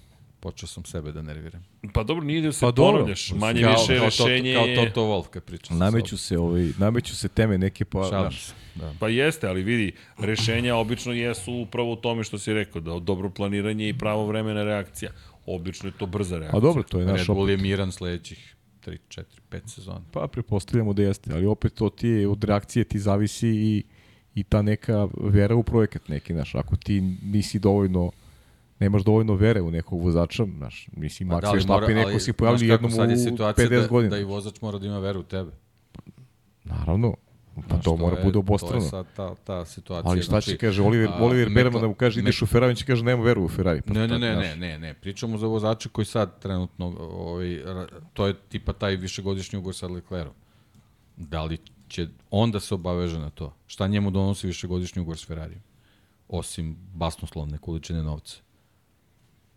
U ovom trenutku. Šta, šta Lecler može da očekuje od Ferrarija? Pa dobro, ima i on matematiku, znaš, šta možda očekuje. Šta može da očekuje? Šta možda očekuje od drugih timova, znaš, kad nikoga neće ni zvati, verovatno. znaš. Dobro, ali to je- ti kažem, to je sad stvar To je matematika, to je procena, pa naravno, to je ono tajming, ono, vezan za Luisa. Ali, ali sad je tu, znači da li će Ferrari hipotetički da možda počne pregovore sa Lewisom Hamiltonom da ga dovede ili će dovoditi nekog 19-godišnjaka u svoje redove. To je, to je stvar procent, to je stvar tih menadžera koji, koji vode je, te pa ekipe. to je, da li ti Kao je- što je Haas odlučio da, da Mick Schumacher ne treba da bude u ekipi, ali se onda odlučio da, da dovede dvojicu koji će bolide dovede do, dovede do cilja. To je bio njihov cilj. I šta su sad uradili s tim? Šta su dobili sa, sa tom odlukom? A sad mi smo optuživali da Mick Schumacher ne zna da vozi, da Mazepi ne zna da vozi, da Grožan ne zna da vozi, a oni su maltene jedva žive glave izvukli iz tih automobila. Da li su samo oni bili krivi što, je, što, je, što, je, što su Hasovi bolidi tako loši i da li oni zaista tako ne znaju da voze? Za Has će što bi rekla moja baba, polako sine, nemoj da žuriš mnogo Da. kad ideš na put. Znaš, Dobro, da, ali- to ti sada Has. Ali deki baš postavio ozbiljna pitanja i to Pa dobro, jeste, rekao. znaš, je, ali ovaj, to ti je, to znaš, ti je sad isto i taj moment za neke druge ekipe u nekom njihovom razvoju da ti, u, mislim, nije to sad, to je od kad postoji Formula 1, to ti je stvar neke sreće, tajminga, gde ćeš stići u određenom trenutku u određenu ekipu. To je sad, mislim da je u ovom trenutku uh, velika glavobolja kod Charlesa Leclerca i kod Landa Norrisa. Šta uraditi? Mislim da su im sad baš onako prelomni trenuci u karijeri. ja mislim da Leclerc nema dilemu, a Lando možda ima.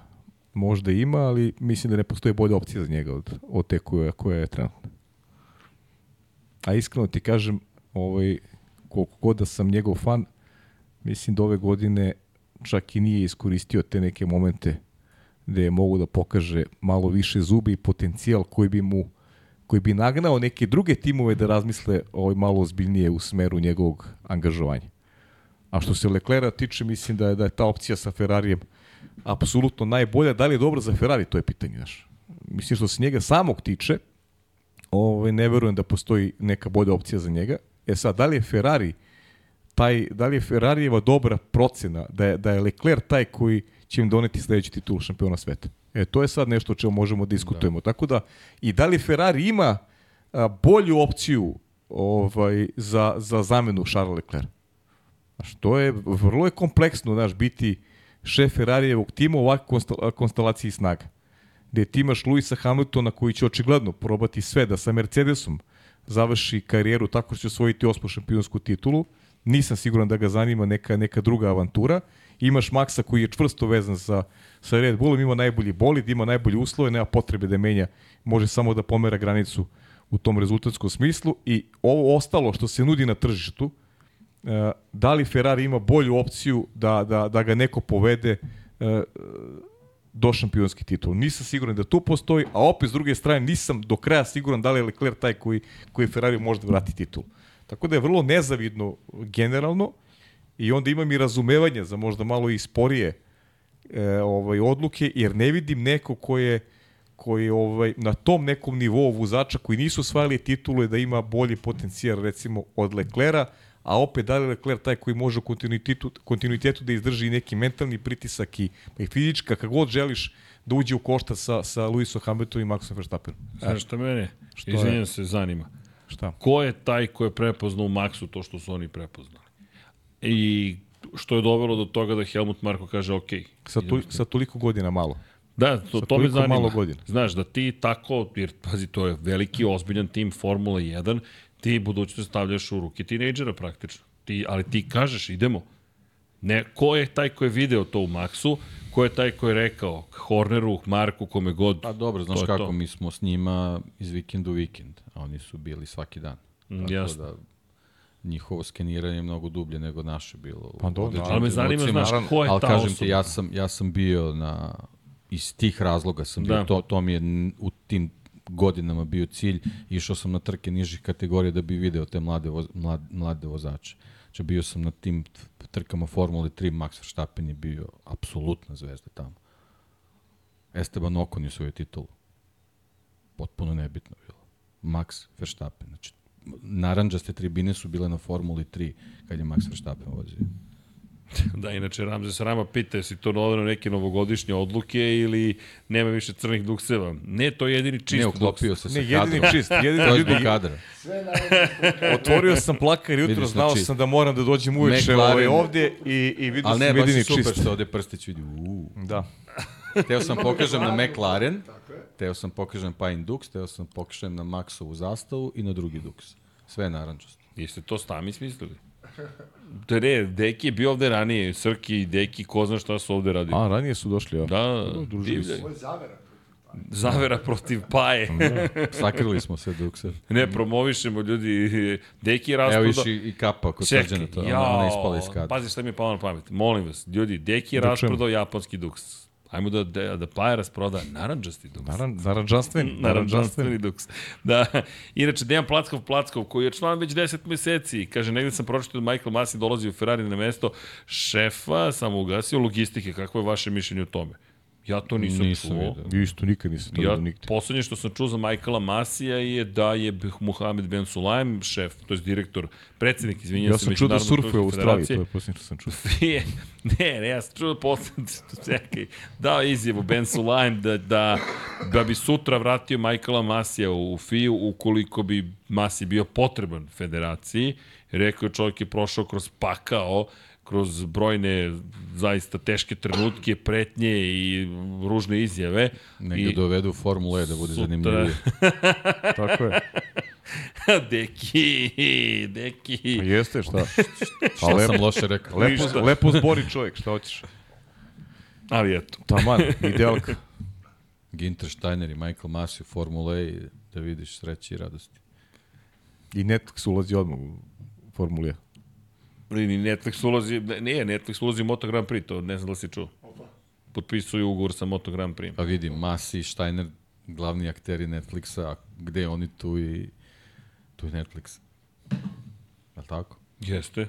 Prebaciš ih u Formule E, eto Netflix. Prebaciš ih u Formulu E i dođeš, pa dovedeš do toga da sve bude kako treba. Tako Dobro, u Moto Grand Prix vidjet ćemo kako će to sve da prođe. I tamo, inače, sutra se družimo sa MotoGP-evcima, deki, 20.15, hoćeš moći, Pa, Ako ne možeš, pa vi, vidjet ćemo se tokom dana, tako da ćemo... pa ćemo da se organizujemo. Da, ljudi, ako dođe do isklizavanja jednog od motocikala, vidjet ćemo šta ćemo. Nešto ćemo da organizujemo. Ne, ne, ne, ne neku priču. Pogotovo što... Ne, ne, vidi, tamo u Moto Grand Prix je dosta ozbiljno. Baš, baš je ozbiljna situacija ove godine. To toliko interesovanje je skočilo za sam sport zapravo.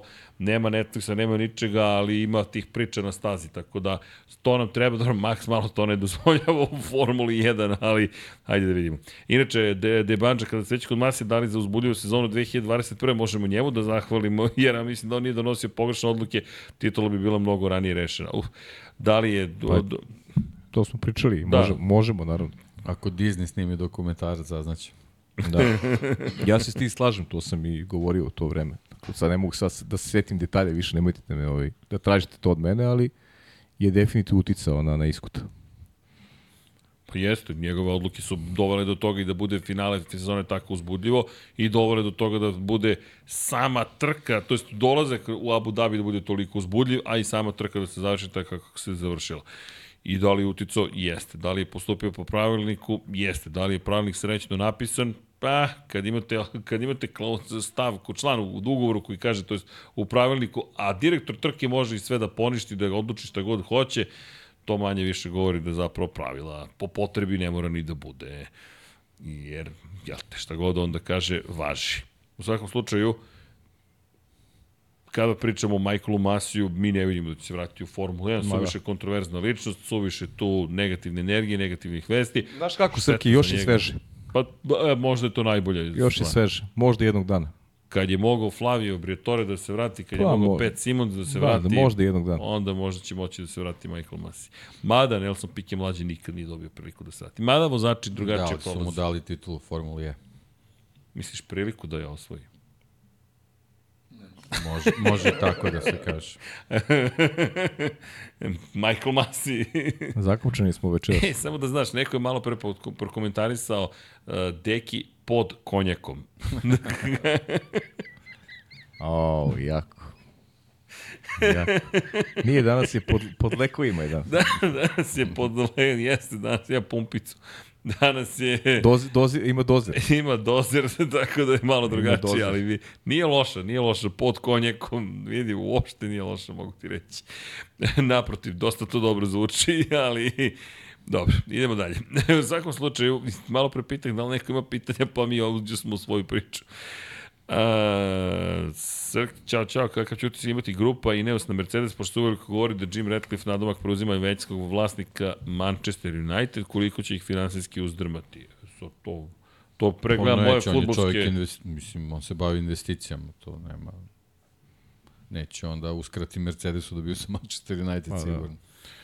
Ne, mislim da će samo investirati ako je to to, ali ne, ne razumijem se dovoljno zaista u Stake futbol da je, bih stake je u. Chelsea-u. Pa nema šta se razumeš u futbol, mislim, to je pričamo o investicijama, nije to, znaš, Pa ne, niko neće manje- oduzeti investiciju nečemu što mu manje donosi više su novac ti da sve ti neki investicijni fondovi stoji za tih, ovaj, uh, ajde sad kažem velikih tih klubova, pogotovo u Engleskoj.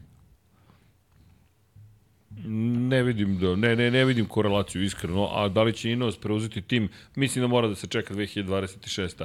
Mislim da i Toto Wolff i Lewis Hamilton imaju jasan cilj, jedan hoće da vrati prosto celu ekipu na sam na vrh, to s druge strane Lewis Hamilton želi da osvoji svoju osmu titulu šampiona sveta, ukoliko to To ne, zajedno vraćanje postignu, ekipe na vrh to to. raste i vrednost ekipe.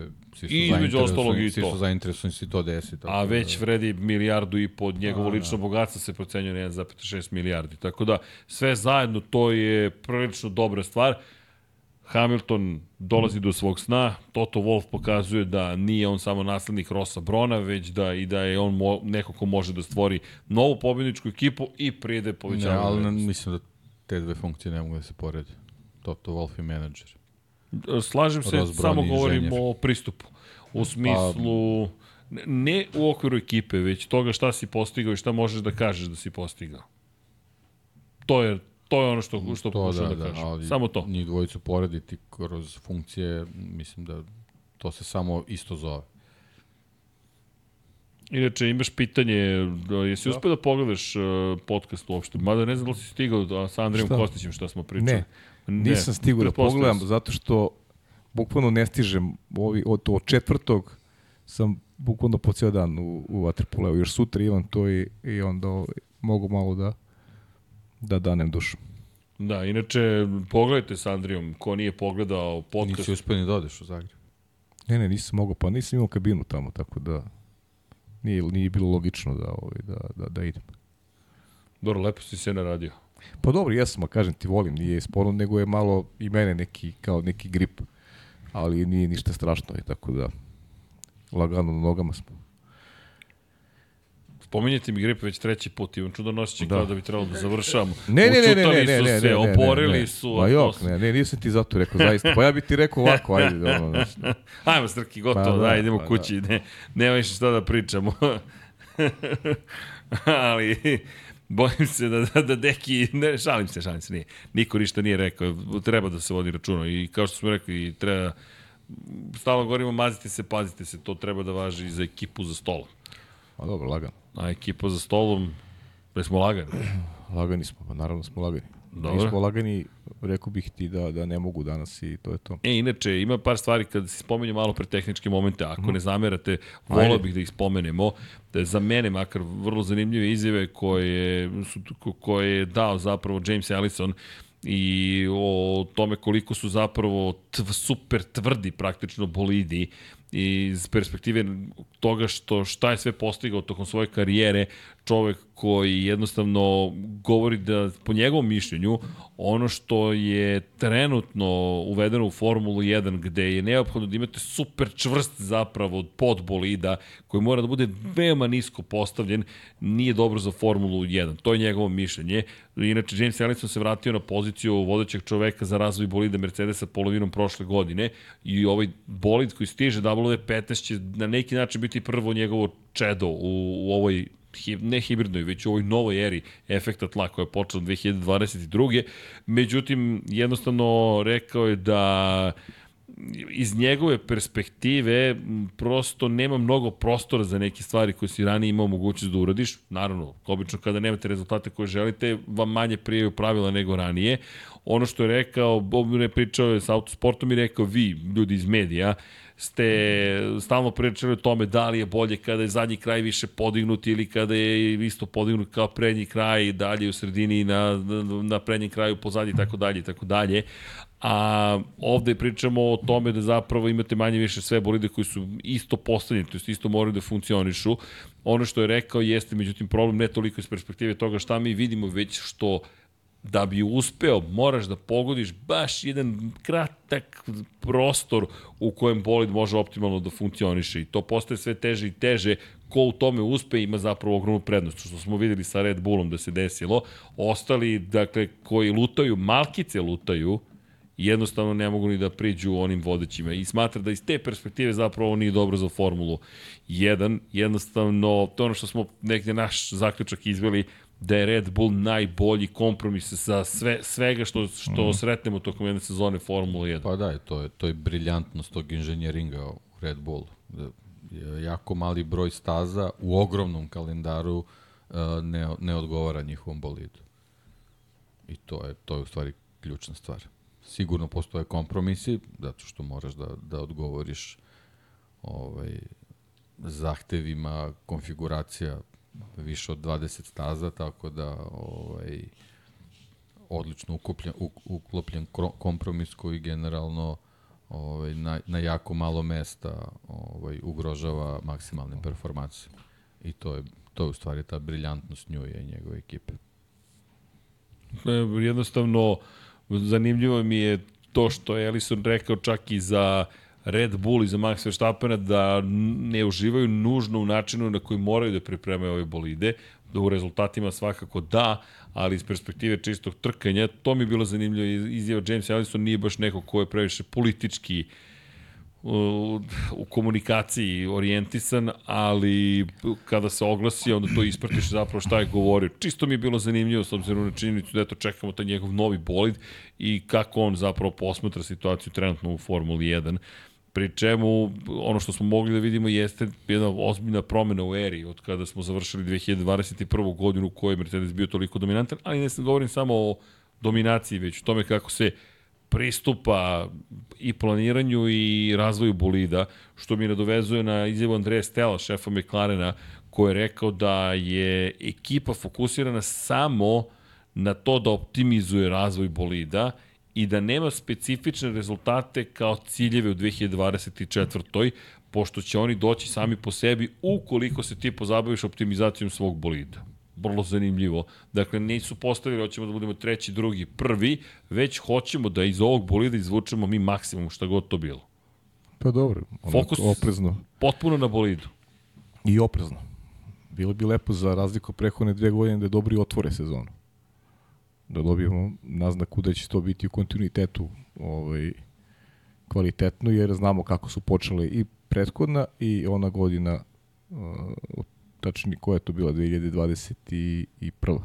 Ne, 2021. Da. da. 22. pardon. 22. i 23. obe su počele katastrofalno. I onda se pojavio neki uspon. I veći prošle godine, ali ovaj, želim da vidim McLaren u kontinuitetu da bude dobar u jednoj sezoni. Ne znam, meni je ovo fascinantna stvarno izjava gde on govori o tome rezultati će doći sami, po, od, sami po sebi. U internoj komunikaciji u McLarenu mi ne pričamo uopšte o pozicijama koje treba da postignemo ili dostagnemo u trkama. Ono što kaže, citiram, jeste u kontekstu aerodinamičkog razvoja, mehaničkog razvoja, šta je to što mi treba da učinimo? Kako mi da unapredimo interakciju između bolida i guma? To su pitanja koje oni sebi postavljaju. Zašto mi je zanimljivo? Zato što je McLaren bio taj, kao, kao što si rekao, loše počeo godinu, potpuno preokrenuo i sad pokušavam da razumim jednu filozofiju koja je potpuno drugačija od takmičarske klasične filozofije orijentisane prema rezultatima, da kažeš ovo su rezultati, jer modern svet mnogo funkcioniše, ne kažem to dobro, ne kažem ni da je loše, meni se ne dopada previše, ali je efikasno, a to su ti očivani KPI-evi. Dakle, ti definišeš Key Performance Indicators ili OKR koji koristi Google, Objective Key Results, i kažeš sebi cilj je da dođemo do te i te pozicije. Ono što oni rade je sasvim drugačije. To je na nivou, ovo je ono što mi moramo da uradimo kada pogledamo u sebe, dakle kako da se pozabavimo sobom, da mi budemo bolje organizovani, da mi bolje uradimo posao, a onda će kao posledica uzrok, dakle, ovo je uzrok, a posledica će biti određeni rezultat. I zanimljivo mi je, baš zahvaljujući tome što je Stella primenio tu filozofiju, uh, I, I postoje rezultati za sada, ali ovo je druga godina, ovo će biti baš pravi test. Mislim da si baš lepo rekao, jer vidi, jednom kada uspeš, to može da bude i slučajnost, možda si imao prosto sreće. Ali ako ti nešto uspe drugi put, treći put, to je već metodologija koja donosi rezultate. Zašto je, zašto je šampionima važno da, da osvoje drugu titulu? Da ne bi niko našo za skodno da je osporava. Jasno. Jer to im je potvrda kvaliteta. Kad ti, kad ti ponoviš nešto, to je to je dokaz da si da si pravi, znaš, dokaz da si da si veliki. I tako razmišlja ovaj svaki šampion. Super filozofija. Zaista mi se dopada i filozofija koja eto je nešto što ne čemo baš često u savremenom dobu. Pa mora se ponavljaš, ali... to je to je, znaš, mora se ponavljaš da bi da bi ti neko verovao.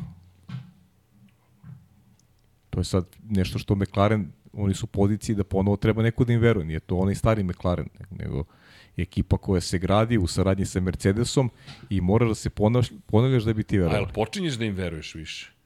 Ili pa, si pa, dalje mora, mora ti priznam da, rezervisan. da očekujem da će ova godina početi bolje, ali imam zadršku, ovaj, nisam do kraja optimističan da, da, da, da mogu da kažem uh, da sam siguran da će, da će stvari biti bolje. Postoji ta zadrška. Jasno. Zašto? Pa naučili su me da imam tu zadršku. Dobro, ali moram priznati ne, ne, da mi... Ne, ne zaboravljam im te početke godine koji su bili kriminalni. Meni je malo, meni je ma, moram da priznam mi skočilo poverenje u McLaren. Okej, okay, pa dobro. Skočilo mi. Zaista mi ima, skočilo. Ima razloga za, za, i, za I posmatram ih i razmišljam, ok, više vam verujem, kao što si rekao, moraš da ponoviš, ali ne samo reči. Ne, ne, reči ne moraš ne, da ponoviš. Ne, ma reči Dela. ne znači ništa. Dela. Reči ne znači ništa. Dela. I, I to mi je zanimljivo, znaš, da, da sada kada slušam ovo, onda možemo tokom sezone da vidimo da li će ta filozofija zaista uroditi plodom. I baš jedva čekam, moram ti priznam, i prva testove, ali prve testove ništa ne znači. Reči Srke, kaže, ne znači ništa, ne znači pogledu sportskih rezultata. Pa ne, znaš, reči mnogo znače. Ti moraš da ih potvrdiš na terenu, znaš, ali... reči znači, da, ali reči govore o tebi, ako ti, ako ti neki seješ neki lažni optimizam koji nije potkrepljen Uh, Znam, ali ako samo pričaš, a nema rezultata, tako, pa ili to samo je... pričaš, a To je šarena Ili laža. tražiš neke alibije, znaš, to je. Ne, ne, ne, ne, ne, moraš pogledaš u sebe, od sebe prvo da, krećeš, a da. pogotovo šefovi ekipa. Kakav god da je rezultat, na tebi je i dalje. Ti si glava, od tebe najviše Pa, da, zavisi. vraćamo se na Gintera Steinera. I na Helmuta Marka i na sve ostale. I na Dekija Potkonjaka, Pot- pod, Potkonjak. Potkonjaka. A, on, ne, on je deki potonuo. Potonuje skroz. Da, da, dakle, kada su ga Italijanski torpedovali. internacionalac pot, uh, potunali. Ja sam rekao šta sam imao. Ja sam, O, o, jao, izvini, nismo te prepoznali. Pa ja ću se približim tebi. On, on, hoće, on hoće kaže da on, Pa, ja da on može, ja. da on može i u sat vremena kaže šta ima. u, u sat. Pa ne može dođe do reči u sat. Kamo li nešto drugo, kako može da kaže nešto u sat vremena. I što me opet dovodi do tog sedmog pokušaja da vidimo da li ima neki, neka pitanja. Deki zaspo, sad ćemo da ga probudimo, ne ništa da brinete. Ali šalu na stranu, treba polako da se pozdravljamo. A dobro, ono. Nema, nema šta, ljudi, nema ne, nećemo da izmišljamo teme i pitanja ukoliko ih nema, ali kad smo već tu, da li neko ima nešto da kaže, pita, zaključi, treba šećer za deki. Ne konzumiram šećer. O, Promene. promene. Promenuo promene, se od promenuo nove se, godine. Da, Promenuo se. Ja imam pitanje za baš za Dekija. Debanđa kaže, gledam trke Moto Amerike i prvo što sam primetio da nemaju one veštačku travu, nemaju pokraj staze. Kako je tvoje mišljenje o tome? Ja rekao sam. Nema šta, to je kako bih rekao, jedna onako baš suvišna stvar u, u Moto Grand Prix. I opasno prilično. Pa, da. E, inače, e, Dejan Pod Konjak i Pavle D. Pavled Živković. A ti imaš led si dobio. Pavl- Dobro. Pavled. Kaže, snimite podcast popodne. E, onda ne bi bilo autentično. E, Aha, ovo d- sutra. Da, da, da, da, šalimo se, ali, ali vidjet ćemo šta ćemo da uradimo. Hvala na predlogu, Todore. E, inače, Srki, možda mi kažeš, je li ima neki sajt ili mesto gde mogu da se gledaju stare trke koje ste prenosili? Uf, ja ne znam, ja, ja Pa nažalost jedino ono, kažem ti, ono, nemam snimke. nešto puštaju na, na, na sport klubu i Da, SK4K to ide povremeno. ide... SK4K, znam da su mi pitali, to sam pričao i prošle nedelje da im kažem, četiri trke iz prošle godine, ali znam da puštaju i stare. Znam da puštaju i stare kao neku pripremu za novu sezonu, tako da tu pogledajte, a mi nemamo mogućnost da, da zavirimo u neku arhivu i niti znamo, Da, niti nažalost, piše u programskoj, niti Tako piše je. u programskoj šemi koja trka ide. E, Da, inače, Deki želi online Sinsi da mu čuvaju baru. Da, da, dobro. Sledeće godine, sledeće godine. E, inače, e, Ahmet Avdić, Srki, tvoje mišljenje u komentaru Bernija na bolide Batona i Rubinja. Na koji komentar tačno mislite? To je bilo poznato, pa pitao je Keanu Reeves kako, kako komentarišete, sad ću da iskarikiram, o, performanse dvojice vozača u identičnim bolidima, a Bernie je pitao Keanu, A, da. ja stvarno misliš da su bili identični bolidi. Da, da, to je bilo, pošto je na početku sezone Baton često pobeđivao Rubensa Barikela i jeste Ali implikacija. činjenica da, da je Bron GP sastavlja automobil od ono- od onoga šta je imao. Šta je I molio vozače da, Da ih ne slupaju. kvalifikacija ne slupaju. Tako je, bukvalno. Imali su Haas filozofiju. Tada. B, b, ne, Nije to Haas filozofija bila, ali, provocira, provocira. Dobro, malo. ali, je, Malo. ali je bila realna u tom trenutku. Da, ali, ali s druge strane, kada pričamo o Rubinju, Rubinju je zato u drugom delu sezone bio uspešniji. I pol pozicija u Brazilu i svašta se tu dešava. Ne, ne, da, ja sad ima, Spi- ima dobro, dobro obje, ne, ne, naravno, ima dobrih naravno. objašnjenja u serijalu, Tako je, pa tako je. za sad ne bih da, Da, upravo. da pričam o tome, si. ali, ali je generalno ovaj, Da ne otkrijemo ljudima. bilo i tokom sezone jasno tada šta se dešava, ali u stvari sad su momci dali, dali potvrdu kroz njihove priče. Inače, pa, pa- to ćemo kad budemo To ćemo o tom potom. Inače, emisiju, Paja da. zeva, ne zeva Deki. Ne, ne, ne, ovo sad. Sva trojica zevamo, ali to su godine, šta vam je, to je sve u redu. Ne, ovo, ovo nije, ovo nisu godine, ovo je Talal Hot. Aha, ti si, dobro. Ovo je, ovo, to je Talal Hot. Mislim da je vreme da te polako. Nema, jo, bre, Srki, rekao bi ti stvarno, lagano, bre. Ja sam pokušao Srki. Lagano. Ja sam dao sve od sebe, ja sam se kontrolisao. Ne, vreti. Evo, kaže, zašto se ne puštaju MotoGP trke iz prethodne sezone makar? Mi nemamo pojma. Nemamo To pojma, ne pušta. Infinity Lighthouse. Da, to je Da, sport klub, sport ljudi. klub, to je, da. Mislim, mislim da je... Postoji arhiva sad. Daj neki mail i Da, pišite, Mislim da da, pišite tako. tako. Da, je, bravo. office at sportclub.com. Yes. To bukvalno pišite na office at sportclub.com. Uh, pozdrav iz Zemuna Kraljevi. Pozdrav za Pozdrav iz Zemun! Pozdrav Zemuna. Zemun. Pozdrav za. Dene. Muze Konza. Munze Konza. E, Dene, ja ne znam, spomenju sam valjda, ja sam u Lazar Savatić išao u ti osnovnu si školu. Zemunac, da. je. E, inače, Marko za Srki, sećaš se, sećaš se kada je u Brazilu pala guma na Ricardo u zadnje krilo, sećamo se u Alfa Tauriju, Da. i šta da je, ne da Bože, pala mu na glavu, automatski bi ga onesvestilo. Mislite li da sigurnost u F1 ima prostora za napredak? Pa Oreol je tu i napravljen baš sa, s tom namerom. Oreol da, je tu, tako da mu ne bi palo Ne na glavu, da, da, da. da nije bilo Oreola, Mnogo toga, ne, ne, ne, ne, ne bi bilo samo da ga onesvestilo. Tako je. I imate Mm. još jednu bitnu stvar. Oreol, gde imamo i dokaze vrlo slikovite, zahvaljujući Andreju Isakoviću, da točak, to guma ne bi upala unutra, jeste kada je Oreol zadržao jel te, ceo bolid Maxa Verstappena kada se popeo na Mercedes Luisa Hamiltona i na glavu Luisa Hamiltona. Tako da, Oreal, da li ima napredak, mesta za napredak? Uvek ima mesta za napredak, ali hajde da pohvalimo i Haas, jer Haas često trpi kritike kao najlošiji tim, ali ljudi, najlošiji tim je i dalje svemirski brod. To je i dalje tim koji je proizveo bolid koji se zabio u odbojnu ogradu i između dva sloja odbojne ograde je uspeo da sačuva zapravo telo i glavu vozača tako što se, da, zabio bolid, raširio odbojnu ogradu, sve je eksplodiralo iza Romana Grožana, a on uspeo da izađe iz tog bolida, da se otkopča. Jedino što je stradalo je su bile šake zato što su homologacijom rukavice bile homologirane da moraju da izdrže 10 sekundi pod visokim temperaturima, a ne 20 kao ostatak odela, što je promenjeno za narednu sezonu, inače mu verovatno ne bi falila dlaka s glave. I pošto je To je tako, pošto je pilot takav kakav jeste, morali su novi cipove da mu obezbede. Da, nove, da, da, da, da.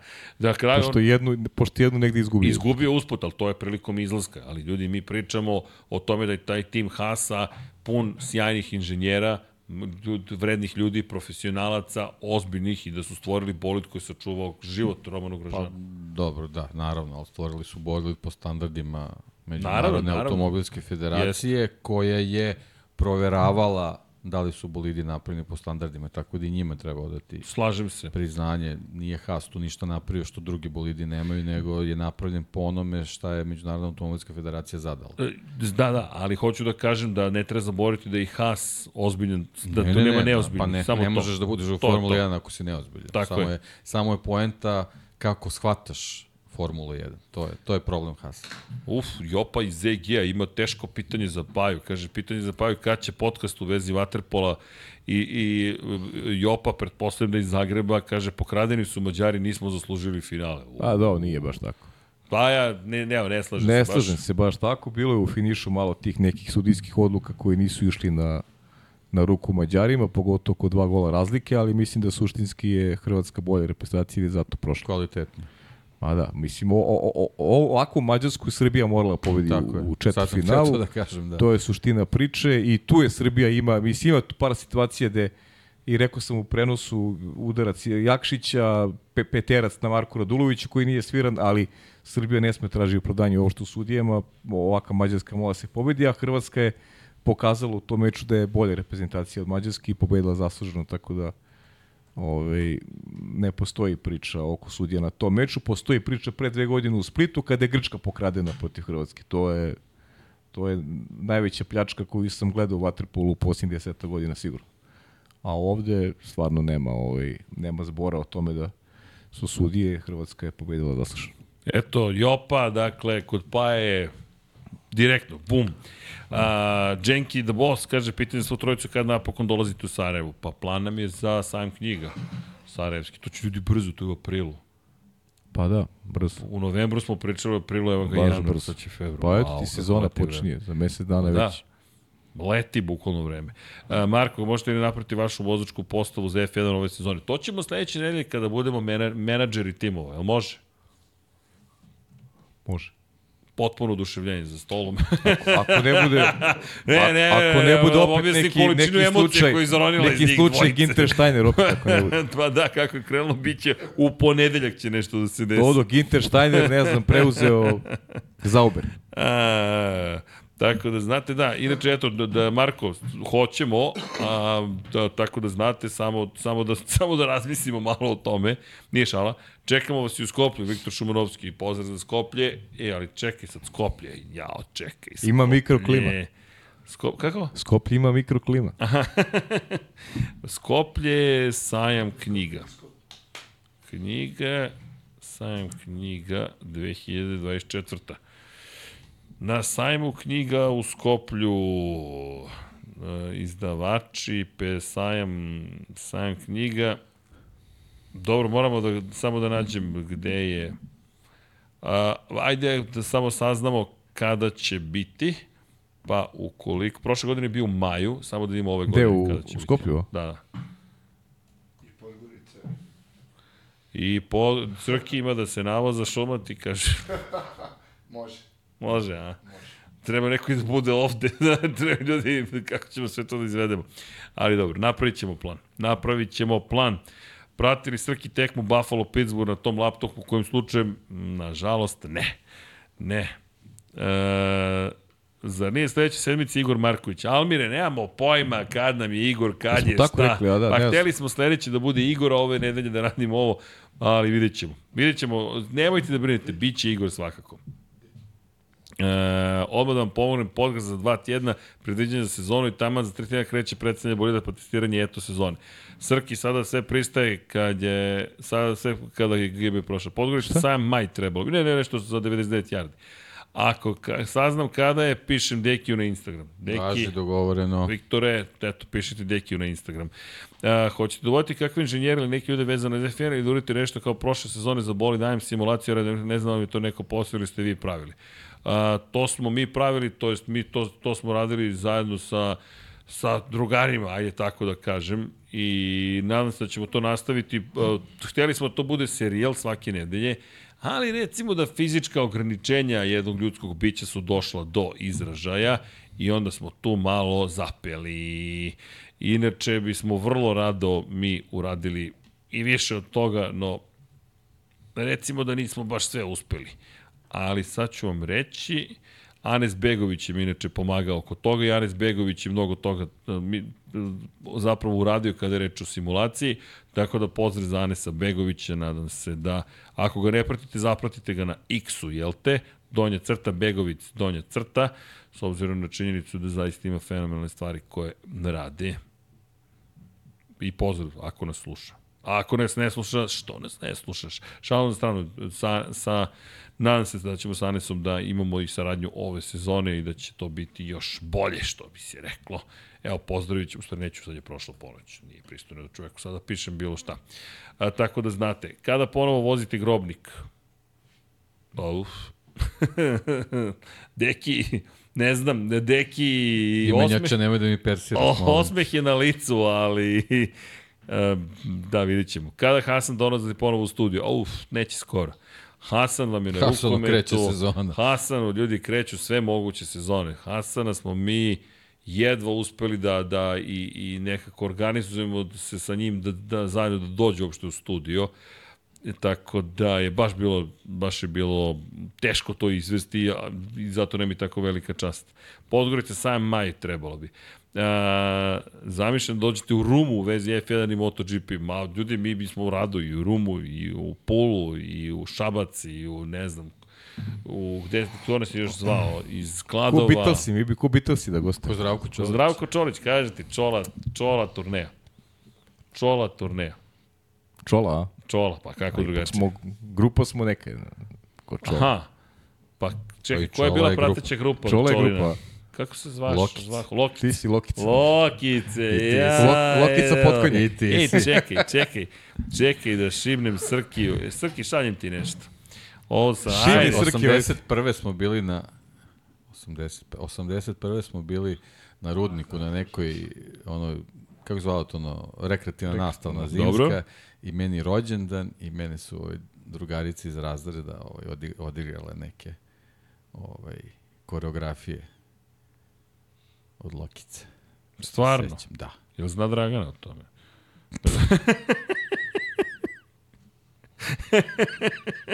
Nasmeo sam ga i malo Kao da si razbudio. bolestan malo, jel da? A mi smo kao bolestan. Ali, vizi, bile su više glupa da te ne razbudi šala. Deki je ništa ne pogađa kao glupost. Tako da...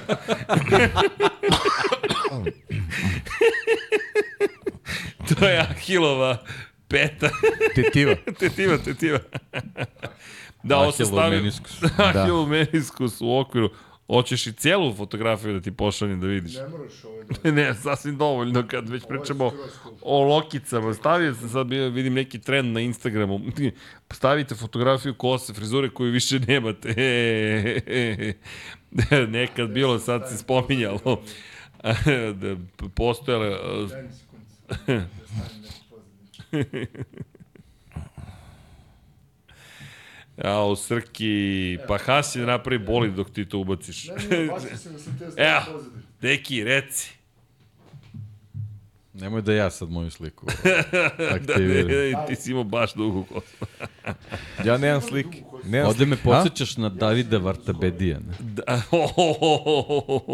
grupa TNT. A, evo, kosa je nekad postojala. Nisam bio samo ćelav od uvek. Koje majice? Koja je majica? Sisters of Mercy, slight case of overbombing. to je, Izvini, mora, mora izvini. se znati. Čekaj, Sisters of Mercy, to mora da se zna. Da, Ice Grutin, da, to je to. E, Aj, sti gruti. ja preko. Да, не, увек на екипа, не вреди. Засмевамо Декија, ljudi само наставите. Пробудили го. Ајсти Грутин пробуди Декија. Ајсти Грутин. Da, je 70, imao sam 77 kg tada. Inače. Ne, Pa i sad imaš toliko A znaš šta. mi je super? Piše mi, piše mi, piše mi klinac, to je sin od mog drugara iz srednje škole. Kaže, moj tata kaže da on tu pored vas na toj fotografiji. Kažem, fakat jeste, evo sad ću da vam pošaljem. Ali mnogo lepo, dečko se javio i razmišljam. A u, gde prođe vreme, ko ti dade taj telefon, ko si ti, zašto imaš toliko godina? Ali dobro, eto tako malo smo se zabavili, jednog dana ćemo da vam pokažemo da fotografije iz mladosti, pa još uvijek ima kosu, pa i neki Pa se ja dobro sam još mlad, kad budemo amatori, ja ću pošli slike iz mladosti. je. e, lepo ti stoji Imaš naranđast. A? Redko imaš seduri. E, da. Kako si ti tako dobro čuješ? Ti radi Šta taj će mi mikrofon? sede? Moguće, nema pojma. Ja mislim da ti 100% radi taj mikrofon. Garantujem ti. Jer nema šanse da te mi tako dobro čujemo da taj mikrofon nije uključen. Da li me... Ja, Nije uključen.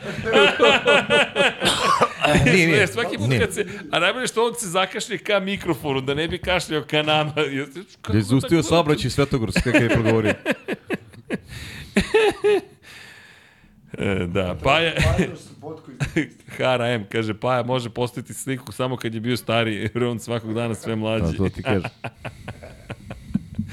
Hvala puno, hvala puno. Raspoloženje na nivou, dobro. Dobro, ja se nadam da smo vas lepo zabavili. Ima neko nešto da doda? Pa ništa, osim da smo se lepo zabavili, stvarno, i, i hvala Netflixu što nam je omogućio temu za večerašnju emisiju. A, Ja, ja, ja, ću im, ja ću im poslati, poslaću im zahvalnicu ovaj, u ime svih nas. Jao, e, da vidimo, mislite da Ferrari ima jedini vozača koji može uskočiti u F1, za Kimi je treba minimum dve sezone u F2 Alpina kao Alpina, RB trenutno ne traži vozača, Mohamed Hajdari. A zašto mislimo da A zašto Kimi? Ferrari da ima... Zašto Kimi? Kimi je Mercedesov proizvod, nije Da, Ferrari. ne, ne, ne, mislim da upravo to govori. ali Ko bi bio Ferrari vozač? Pa Berman. Berman, misliš na Olivera? Da je Pa Oliver ja, za to. ja samo njega vidim kao neko ko od, od te mlađe garde da ima, da ima tu vrstu perspektive. Iznenadit će vas Ferrari, ne bojte se. Pa dobro, to je okej, naravno, da možda, mislim, očekujemo od Ferrari da iznenadi. Inače, Boris Ajduković kaže pozdrav za ekipu Lep Sentinski pozdrav. Ako može Paja da uđe na Instagram, pročita konstataciju, pošto je duga, ne može da stane u chat. kaže Todor, ja se, ja, ja, sam se, ja se još nisam ni rodio. Pa ne, ovo je bilo 1994. na ekskurziji u Ivanjici, ova fotografija. Ko kaže to? Šta? Da pa uđe na Instagram. Boris Ajduković. Boris Eto, Iduković. tako da znaš. Pa ne vidim, nema. Nema, nije stigla. Borise, pokušajte ponovo. Boris Iduković. Kako sam napravo na... Borise Ajdukoviću. Aha, evo ga. Evo ga, dobro. Pa evo, ti dok čitaš, E, pozdrav ekipi, nadovezat ću se na priču oko Ferrarija, kada je Alonso prešao u tim, bio je dvostruki prvak i dva puta mu izmakla titulu, ako se ne varam, ne varaš se. jeste. Zatim dolazi Vettel, četvorostruki prvak i ništa ne uradi, nažalost. Kada je Schumacher došao, već je bio dvostruki prvak i četiri godine ništa nije uradio, bio je blizu titula, ali tek kreće od 2000. godine. S obzirom da je posljednji osvojio Kimi 2007. Ferrari bi trebao, po mom mišljenju, onim što je Paja rekao da Leclerc može da se nosi sa pritiskom protiv Maxi Hamiltona, da da poverenje Leclercu, da nešto uradi, osim ono što opet ranije Paja rekao da je Ferrari možda ima keca u rukavu, što niko ne zna, ono što je Deki rekao jeste da je Ferrari titula u F1 mnogo važna, ako ne i najvažnija. Eto, to je Borisova Da, poruka. konstatacija. Hvala. Konstatacija je u stvari više nego pitanje. Pa nema šta. Pa šta dodamo? Pa Ferrari ko Ferrari, sad već prolazi da ozbiljne decenije. Mi sad pričamo o 2024. Mi ćemo za 3 godine imati 20 godina od posle Ma, Ferrari. ma bitno je ljudi opredelenje, nije to važno da bude Leclerc, nego to je ono što, što, što smo pričali i dotakli se teme Maxa, bitno je da nekom veruješ i da ti stojiš iza tog projekta. Da li je to Leclerc, da li je neko drugi. Ferrari pa mora postane ozbiljni tim. Pa i ovo je deo ozbiljnosti, znači kad imaš... Mercedes im je pokazao, Red Bull im je pokazao, istorija im pokazuje. Ali neki ljudi prosto ne uče. To jest, Pa ne, grupe ljudi. njihova filozofija. Ne možeš to da promeniš. Pa da, ali moraš da se promeniš da bi uspeo. Delo je tako. Znaš, da, Schumacher ih je promenio da bi, da bi uspeli. Jean Todt ih je Jean promenio. Todt, bravo. Jean Todt ih je promenio. Pravo si. Njega je to nismo spomenuli. Jean Todt. E, takođe imam pitanje na Pajnom istorijama. Uj, pa je popularan si. Gledao sam film Ferrari, neću spojati, ali uglavnom gledao sam puno Kako, boljih kako? filmova. Gledao sam. teme. Koji film Ferrari? Ferrari? Ferrari sad, Ferrari. A, najnoviji, A, novi, najnoviji. Aj, da. nisam još pogledao, moram, da- moram da pogledam pa da, da nešto kažem. Slučajno sam ga uhvatio onako, nešto specijalno. Ne stižu poruke, 40 godina, a u Srki, kako 40? Nije 30 godina od one fotke, nemojte da dodajete, nije 40 godina od one fotke. pa šta vam je, polako ljudi, nije baš to toliko. Hoćemo dobiti blatorane protiv kiše. Da, to se spominje da će se nastaviti testiranja i da rade na tome. Nadam i da, se da ne. Da, ove godine će pokušati da ih sprovedu nekako u delo i na osnovu, to, na osnovu tih testova ćemo vidjeti da li ćemo ih dobiti ili ne. Ono što bi bilo super jeste zapravo da nađemo neko drugačije rešenje. Jer ako to dobijemo, uskoro ćemo imati zapravo sportske automobile, a ne Formulu 1. Ko- To jest open wheel, to jest trke otvorenih točkova, to jest jednosede. I to jeste pojenta cele priče, da se nađe rešenje u okviru onoga što jeste neki duh i priroda Formule 1, kada uzmete bolid Formule 1 kao što su ovi bolidi, i hvala vam na svim poklonima koje ste nam dostavili tokom godina, kada vidite ovaj bolid, kažete, ok, ovo je Formula 1 odakle god da ga vidite, s koje je nešto palo. Moram priznati da mi snimam utisak da će ovde sada pasti uh, pastir, neko mi je, neko je sakrio da se ovom bolidu nešto desilo. Dobro, ovo moramo da sredimo i popravimo. Što ćemo i učiniti, pogotovo što je to poklon i ovo mora da se mazi i pazi. Dobro. Ovo se, svake stvari se dešavaju. To ću ja da sredim. Srki, mi imamo novi zadatak, moramo popravimo levu stvaru. Barge board na, na bolidu Red Bulla je nastradao, nažalost. E, ljudi, vreme je da... Gde je ona dekija majica sa zelenim lep? Na sigurnom. Na sigurnom, to je istorijska majica. Ljudi, ajmo polako da se pozdravljamo s obzirom na činjenicu da je već 20 do 1 čas, 16. januara ujutro. E, Ko prati NFL, pa da vas pozdravimo sve koji pratite NFL, s obzirom na činjenicu da je utakmica u toku između Buffalo Billsa Buffalo i, Kida. i Pittsburgha. Buffalo kida. Ali dobro, Zoe Kida i Buffalo Kida. i Buffalo kida, ali neki- će Pittsburgh neki, pobediti. Neki kid ih trenira, šta? Ali pratite i dalje utakmicu, ne znam da li komentarišu naše kolege ili ne, cenim da je neko od ekipe u komentatorskoj kabini, znam gde smo mi, mi smo u studiju na kraju univerzuma i pozdravljamo se polako ali sigurno.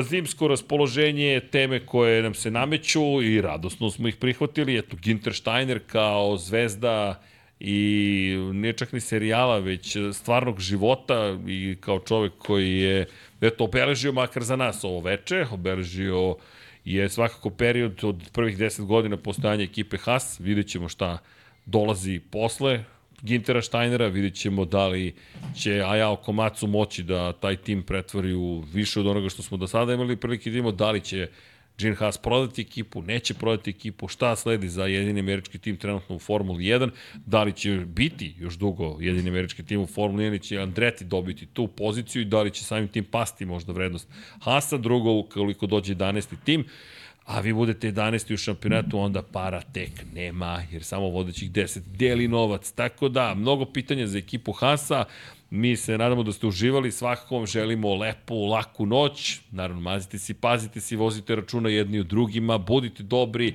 radite nešto lepo, eto, u četvrtak će biti lepo vreme, ne znam da li je to dobro ili loše kada je januar, ali tako je kako je.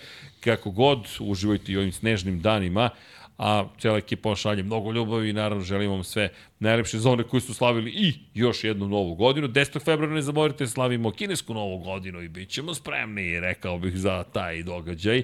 29. februara kreće sezona Formula 1, prvi trening bit će u Bahreinu, pre toga će već sve krenuti i prezentacije bolida, i testiranja, i najave, i prognoze, i sećanja na prethodne godine, jubileji, ko zna šta nas sve čeka i jeste 30 godina ove godine od stravične Imole i pogibije Rolanda Ratzenbergera i Ayrtona Sene.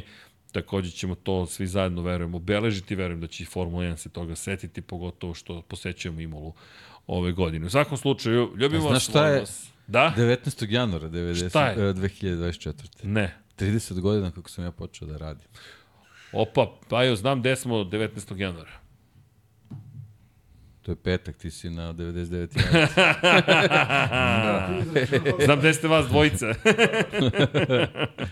Deki, Da, svaka čast. čo- 30 godina kako radiš. Nisi Taman- morao ovo da kažeš. Taman smo ga razbudili, taman smo se odjavili i, i pogodilo ga je. Ništa, uh, Srki, puštaj ove Patreon, ajde. Čekaj, čekaj, krećemo s Patreonima, ali deki, se vidimo onda na 99 yardi. ne. Pokušao sam. Kratko, jasno. Pokušao Da, da. sam, ali ne vredi, njih dvojica su britkih umova, uvijek spremni da vam odgovore. Ha, č, č, č, ran, č, č, č. To bi još odmah odgovor. Č, č, č, da, Oma, uvek, oma, veruj mi, kod obojice. A, u Srki, nemoj. Uglavnom je to odgovor, ali nema veze. Upornost se isplati. No, dragi naši, ko nas voli i sviđa mu se ovo što radimo, like, share, subscribe, pogotovo subscribe pomaže, ali like naravno pomaže, patreon.com kroz Infinity Lighthouse, shop.infinitylighthouse.com i naravno kao i uvek možete da kliknete na, klik, na, dug, na klik na dugme join na YouTube-u. Ekipa će biti tu, nastavljamo dalje da se družimo, da radimo, da se zabavljamo i veselimo. Ove godine ne zaboravite, 76. sezona Moto Grand Prix, 75. jubilarna godina Formule 1. U svakom slučaju, dragi kolega, je li 75. Jeste 75. Nije 70 godina, nego, molim? Nije, 75 godina od kada je vožena prva trka, ali 76. sezona, ovo je 75. sezona. Mada pitanje je da li će i Formula 1 da slavi. Ko zna, kako god, sa 76. 76. godina je za Moto Grand Prix, to je, zato će biti najbolja ikada. Ali o tome ćemo više pričati, moj dragi kolega Dejan Potkonjak i ja, u 19 časova, 76 minuta manje 1, pošto vidim da su matematički zadaci trenutno mega popularni. Ovo je jednostavno, malo, oduzmeš malo, sabereš i dobiješ rezultat. 20 časova i 15 minuta, jer 7 plus 76 manje 1 je 20 15. Šalu na stranu, idemo dalje da, da izlazimo iz studija na kraju univerzuma i pozdravljamo naše Patreone i članove tako što ćemo pročitati imena svih vas. I da, još jedna Nenad Đorđević, Branimir Vrat, tako, tako, tako, tako. Pisat ćemo vam na Patreonu i kroz poruke, uh, s obzirom činjenicu da je dinastija u Kragujevcu, da ko želi da bude u knjizi, potvrdi i kaže želim moje ime u knjizi. Tako da znate. Ajde, dobili smo lepe vesti od advokata, ne znam da li si video. Kako god, budite se nama, mazite se, pazite se, vozite račune od drugima, a sada hvala svima i vraćamo se malo kasnije. Nenad Đorđević, Branimir Rijevec, Milan, Jelena Veljković, Katarina, Jelena Mak, Optimistik, Josh Allen Fan, Ivan Panajotović, Branimir Petronijević, Nedim, Stefan Lešnjak, Petar Nujić, Simović, Sarajevo, Đorđije Lopušina, Jovan Đodan, Stefan Radosavljević, Mlađan Antić, Ljubo Đurović, Ivan Rečević, klub štovatelja Ramona Mireza, Petar Relić, Šefko Čehić, Benđo Kaka, Nenad Pantelić, Marko Radanović, Mirina Živković, Marko Kostić, Vladidov Dejv, Strahinja Blagojević, Milan Nešković, Marko Horg, Igor Gašparević, Ružica Stefanović, Nemanja, Daniel Kolobarić, Stevan Zekanović, Bojan Bogdanović, Milan Ristić, Boris Gvozden,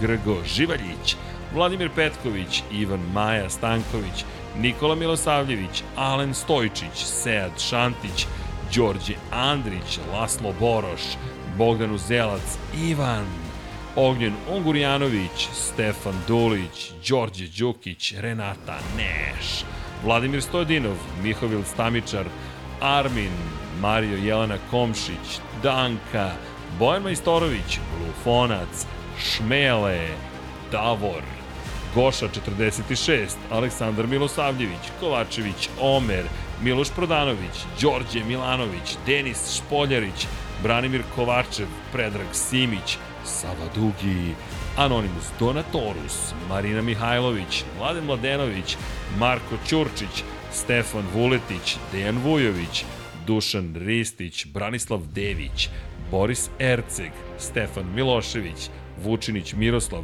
Jugoslav Krasnić, Dušan Petrović, Marko Petrekanović, Vukašin Jekić, Ivica, Luka Martinović, Zoran Baka, Tijana Vidanović, Crnogorski Džedaj, Miloš Rašić, Džigi Bao, Dorijan Kablar, Bojan, Marin Antunović, Mario Vidović, Marko Mostarac, Salim Okanović, Ognjen Grgur, Kosta Ivanov, Darko Trajković, Deus, Nikola, Bojana Zrnić, Admir Dedović, Nemanja Jeremić, Zoran Cimeša, Srđan Sivić, Vukašin Vučenović, Marko Marković, Branislav Marković, Danijela Ilić, Đole, QB4, Damjan Veljenoski, Monika Erceg, Luka, Jelena Jeremić, Alen Vuletić, Dimitar Vasilev, Životić Jovan, Zoran Šalamun, Marko Blagojević, Nebojša Živanović, Tijana M, Luka Savović, Đerman, Žorž, Nikola Marinković, Ljo Đurović, Stefan Prijović, Milan Milašević, Filip, Peđa Janković, Bogdan Mitrović, Matija Rajić, Miroslav Cvetić, Đole Bronkos, Ivan Čule, Matija Binotto, Antonio Novak, Nenad Simić, Tina i Ilija, Sean Hing, Jasenko Samarđić, Aleksandar Mitrović, Laslo Bolok, Jecajen, Stefan, Ivan Ciger, Ferenc Laslofi, Mladen Tešić, Lazar Pejović, Veselin Vukićević, Nikola Beljić, Vladimir Uskoković, Ertan Prelić, Miloš Radosavljević, LFC, Borislav Vukojević, Robert Čolić, Dejan Avić, Andreja Branković, Mirina Kovačević, Stefan Ličina, Dragan Nikolovski, Bahter Abdurmanov, Predrag Pižurica, Neđo Mališić, Aleksa Lilić, Vambli Sapa, Armin Durgut, Boris Golubar, Da, žena ne sazna, Ivan Maksimović, Živojin Petković, Stefan Janković, Luka Klaso, Toni Ruščić, Jugoslav Ilić, Nedo Lepanović, Ivan Milatović, Pavle Nj, Emir Mešić, Đurđica Martinović, Borko Božunović, Aleksa, Đorđe Radojević, Hrvoje Lovrić, Ljiljana Milutinović, Zorana Vidić, Vojin Kostić, Nemanja Miloradović, Nenad Ivić, Boris Radović, Klara Gašpar, Branislav Milošević, Aleksandar Čučković, Kimi Rajkonen, Igor Jankovski, Nedim Drljević, Branko Bisački, Stefan Vidić, Aleksandar Radivojša, Aleksandar, Inzulin 13, Andreja, Josip Kovačić, Aleksandar Antonović, Anonimus, Donatorus, Nemanja Zagorac, Zoran Majdov, Bojan Markov, Boris Kujundžić, Kristijan Šestak, Ante Primorac, Stefan Stanković, Andrej Bicok, Andrija Todorović, Milan Kića, Zoltan Mezeji, Žarko Milić, Milan Paunović, Bata Brada, Miloš Banduka, Vladan Miladinović, Borislav Jovanović, Andrej Božo, Luka Manitašević, Nikola Stojanović, Miloš Vuletić, Aleksandar Banovac, Ivan Sović, Ivana, Vanja Radulović, Bojan Mijatović, Andreja Miladinović, Zlatko Vasić, Aca 43 Zla, Safet Isljami, Dejan Avić, Milan Apro, Aleksa Jelić, Aleksandar Bobić, Marko Trkulja, Ivan Simeunović, Stefan Nedeljković, Đole Cheesehead, Gloria Edson, Vladimir Mutić, Dragan Matić, Vlada Ivanović, Marko Kozić, Ivan Rebac, Martin Gašpar, Mihajlo Krgović, Strahinja Brajanoski, Aleksandar Jurić, Aleksa Valter, Jasmina Pešić, Novak Tomić, Aleksandar Anđelić, Dušan Delić, Lukas, Aleksa Vučaj, Nemanja Labović, Nikola Božinović, Saša Ranisavljević, Kristina Ratković, Dimitrije Mišić, Igor Vučković, Anonimus Donatorus, Branislav Kovačević, Dejan Đokić, Miloš Rosandić, Dario J, Matej Sopta, Mladen Krstić, Miloš Todorov, Dejan Janić, Ognjen Marinković, Vladimir Jovanović, Nikola E, Vladimir Filipović, Nikola Grujičić, Vuk Korać, Marko Bogavac, Ivan Toškov, Lazar Hristov, Petar Bijelić, Uroš Ćosić, Luk Williams, Pujo, Milorad Reljić, Zlatko Marić, Nemanja Miloradović, Nikola Grđan, Drago Veković, Bojan Markov, Sadam Mehmedović, Peja MD, Dejan Plackov-Plackov, Marko Jevtić, Zoran Mladenović, Bojan Stanković, Amar Taso, Nikoleta Minić, Dinstero, Aleksandar P, Omer Sarajlić, Milanka Marunić, Galeksić, Stevie G8, MM93, Ramzes Rama, Aleksandar Jokić, Ehil, Eldin Polovina, Predrag Zec, Igor Ninić, Marakos, Mile Supudanov, Ristov, Edin Ustavdić, Blagoj Ačevski, Alen Jesenović, Zoran Baka, Bakadu, Mensur Kurtagić, Ivan Vujasinović, Vukašin Vučenović, Slaven 84, Aleksandar Stojković, Marko Lučić, Đera 7, Krorobi 00, Nikola Hrnjaković, Anonimus, Donatorus, Domagoj Kovač Rajkov, Mateja Nenadović, Toni Sonic 76, Ada Sokolović, Mrča, Nikola Vulović, Aleksandar Egerić, Penđer, Nikola Božović, Dejan Janić, Bojan Gitarić, Katarina Stepanović, Lunatic Soul, Kromit, Saša Stevanović, Marko Bogavac, Ljiljana Milutinović, Nikola Adamović, Žika Su, Aleksandar Kockar, Konstantin Mlinarević, Almedin Ahmetović, Igor Ilić, Vladimir Vujičić, Ivan Božanić, Mađar 007, Almir Vuk, Aleks Vulović, Vojislav Tadić, Nikola Grujičić, Igor Vranić, Miloš Stanimirović, Nemanja, Pavle Lukić, Jovan Bojanić, Nedžad Mrakić, Miloš Zed, LFC, Bruno Jurić, Filip Knežević, Vladimir Subotić, Future Graciano Rossi, Tatjana Lemajić, Nemanja Cimbaljević, Tomić Miloš, Aleksandar Radivojša, Uroš Čuturilo, Branko Rašević, Marina, Vlada Ivanović, Vladan Đurić,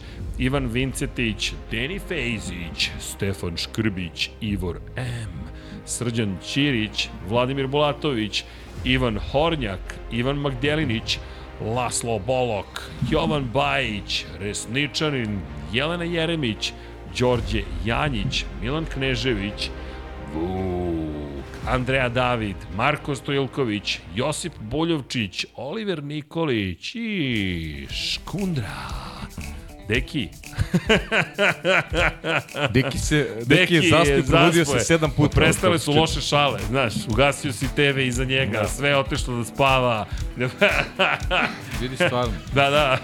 Uh, i pa da pam pam pam pam pam pam pam pam pam Nismo prošli put pevali ili nismo? Više se neće koji je to podcast bio, ali zabavno je bilo svakako. Ne se ja. Bajo, volim te, Deki još više. I love you. Volim so much. Tebe najviše, Srki. Šalom stranu, molim vas podjednako, ovde nema razlike. Ljubav se samo deli i širi zato što šta? Počela je godina nova. U svakom slučaju, dok Deki spava, kosa mu nije plava, a ovo je ekipa prava. I ovim stihujemo vas, pozdravljam cijela ekipa Lab 76 Infinity Lighthouse. Volimo vas, mazite se, pazite se i pa evo podjednako vas volim, čisto da ne brinete. 1, 2, 3, 4, 8, 5, 7, 6. Ćao svima! Ćao ljudi.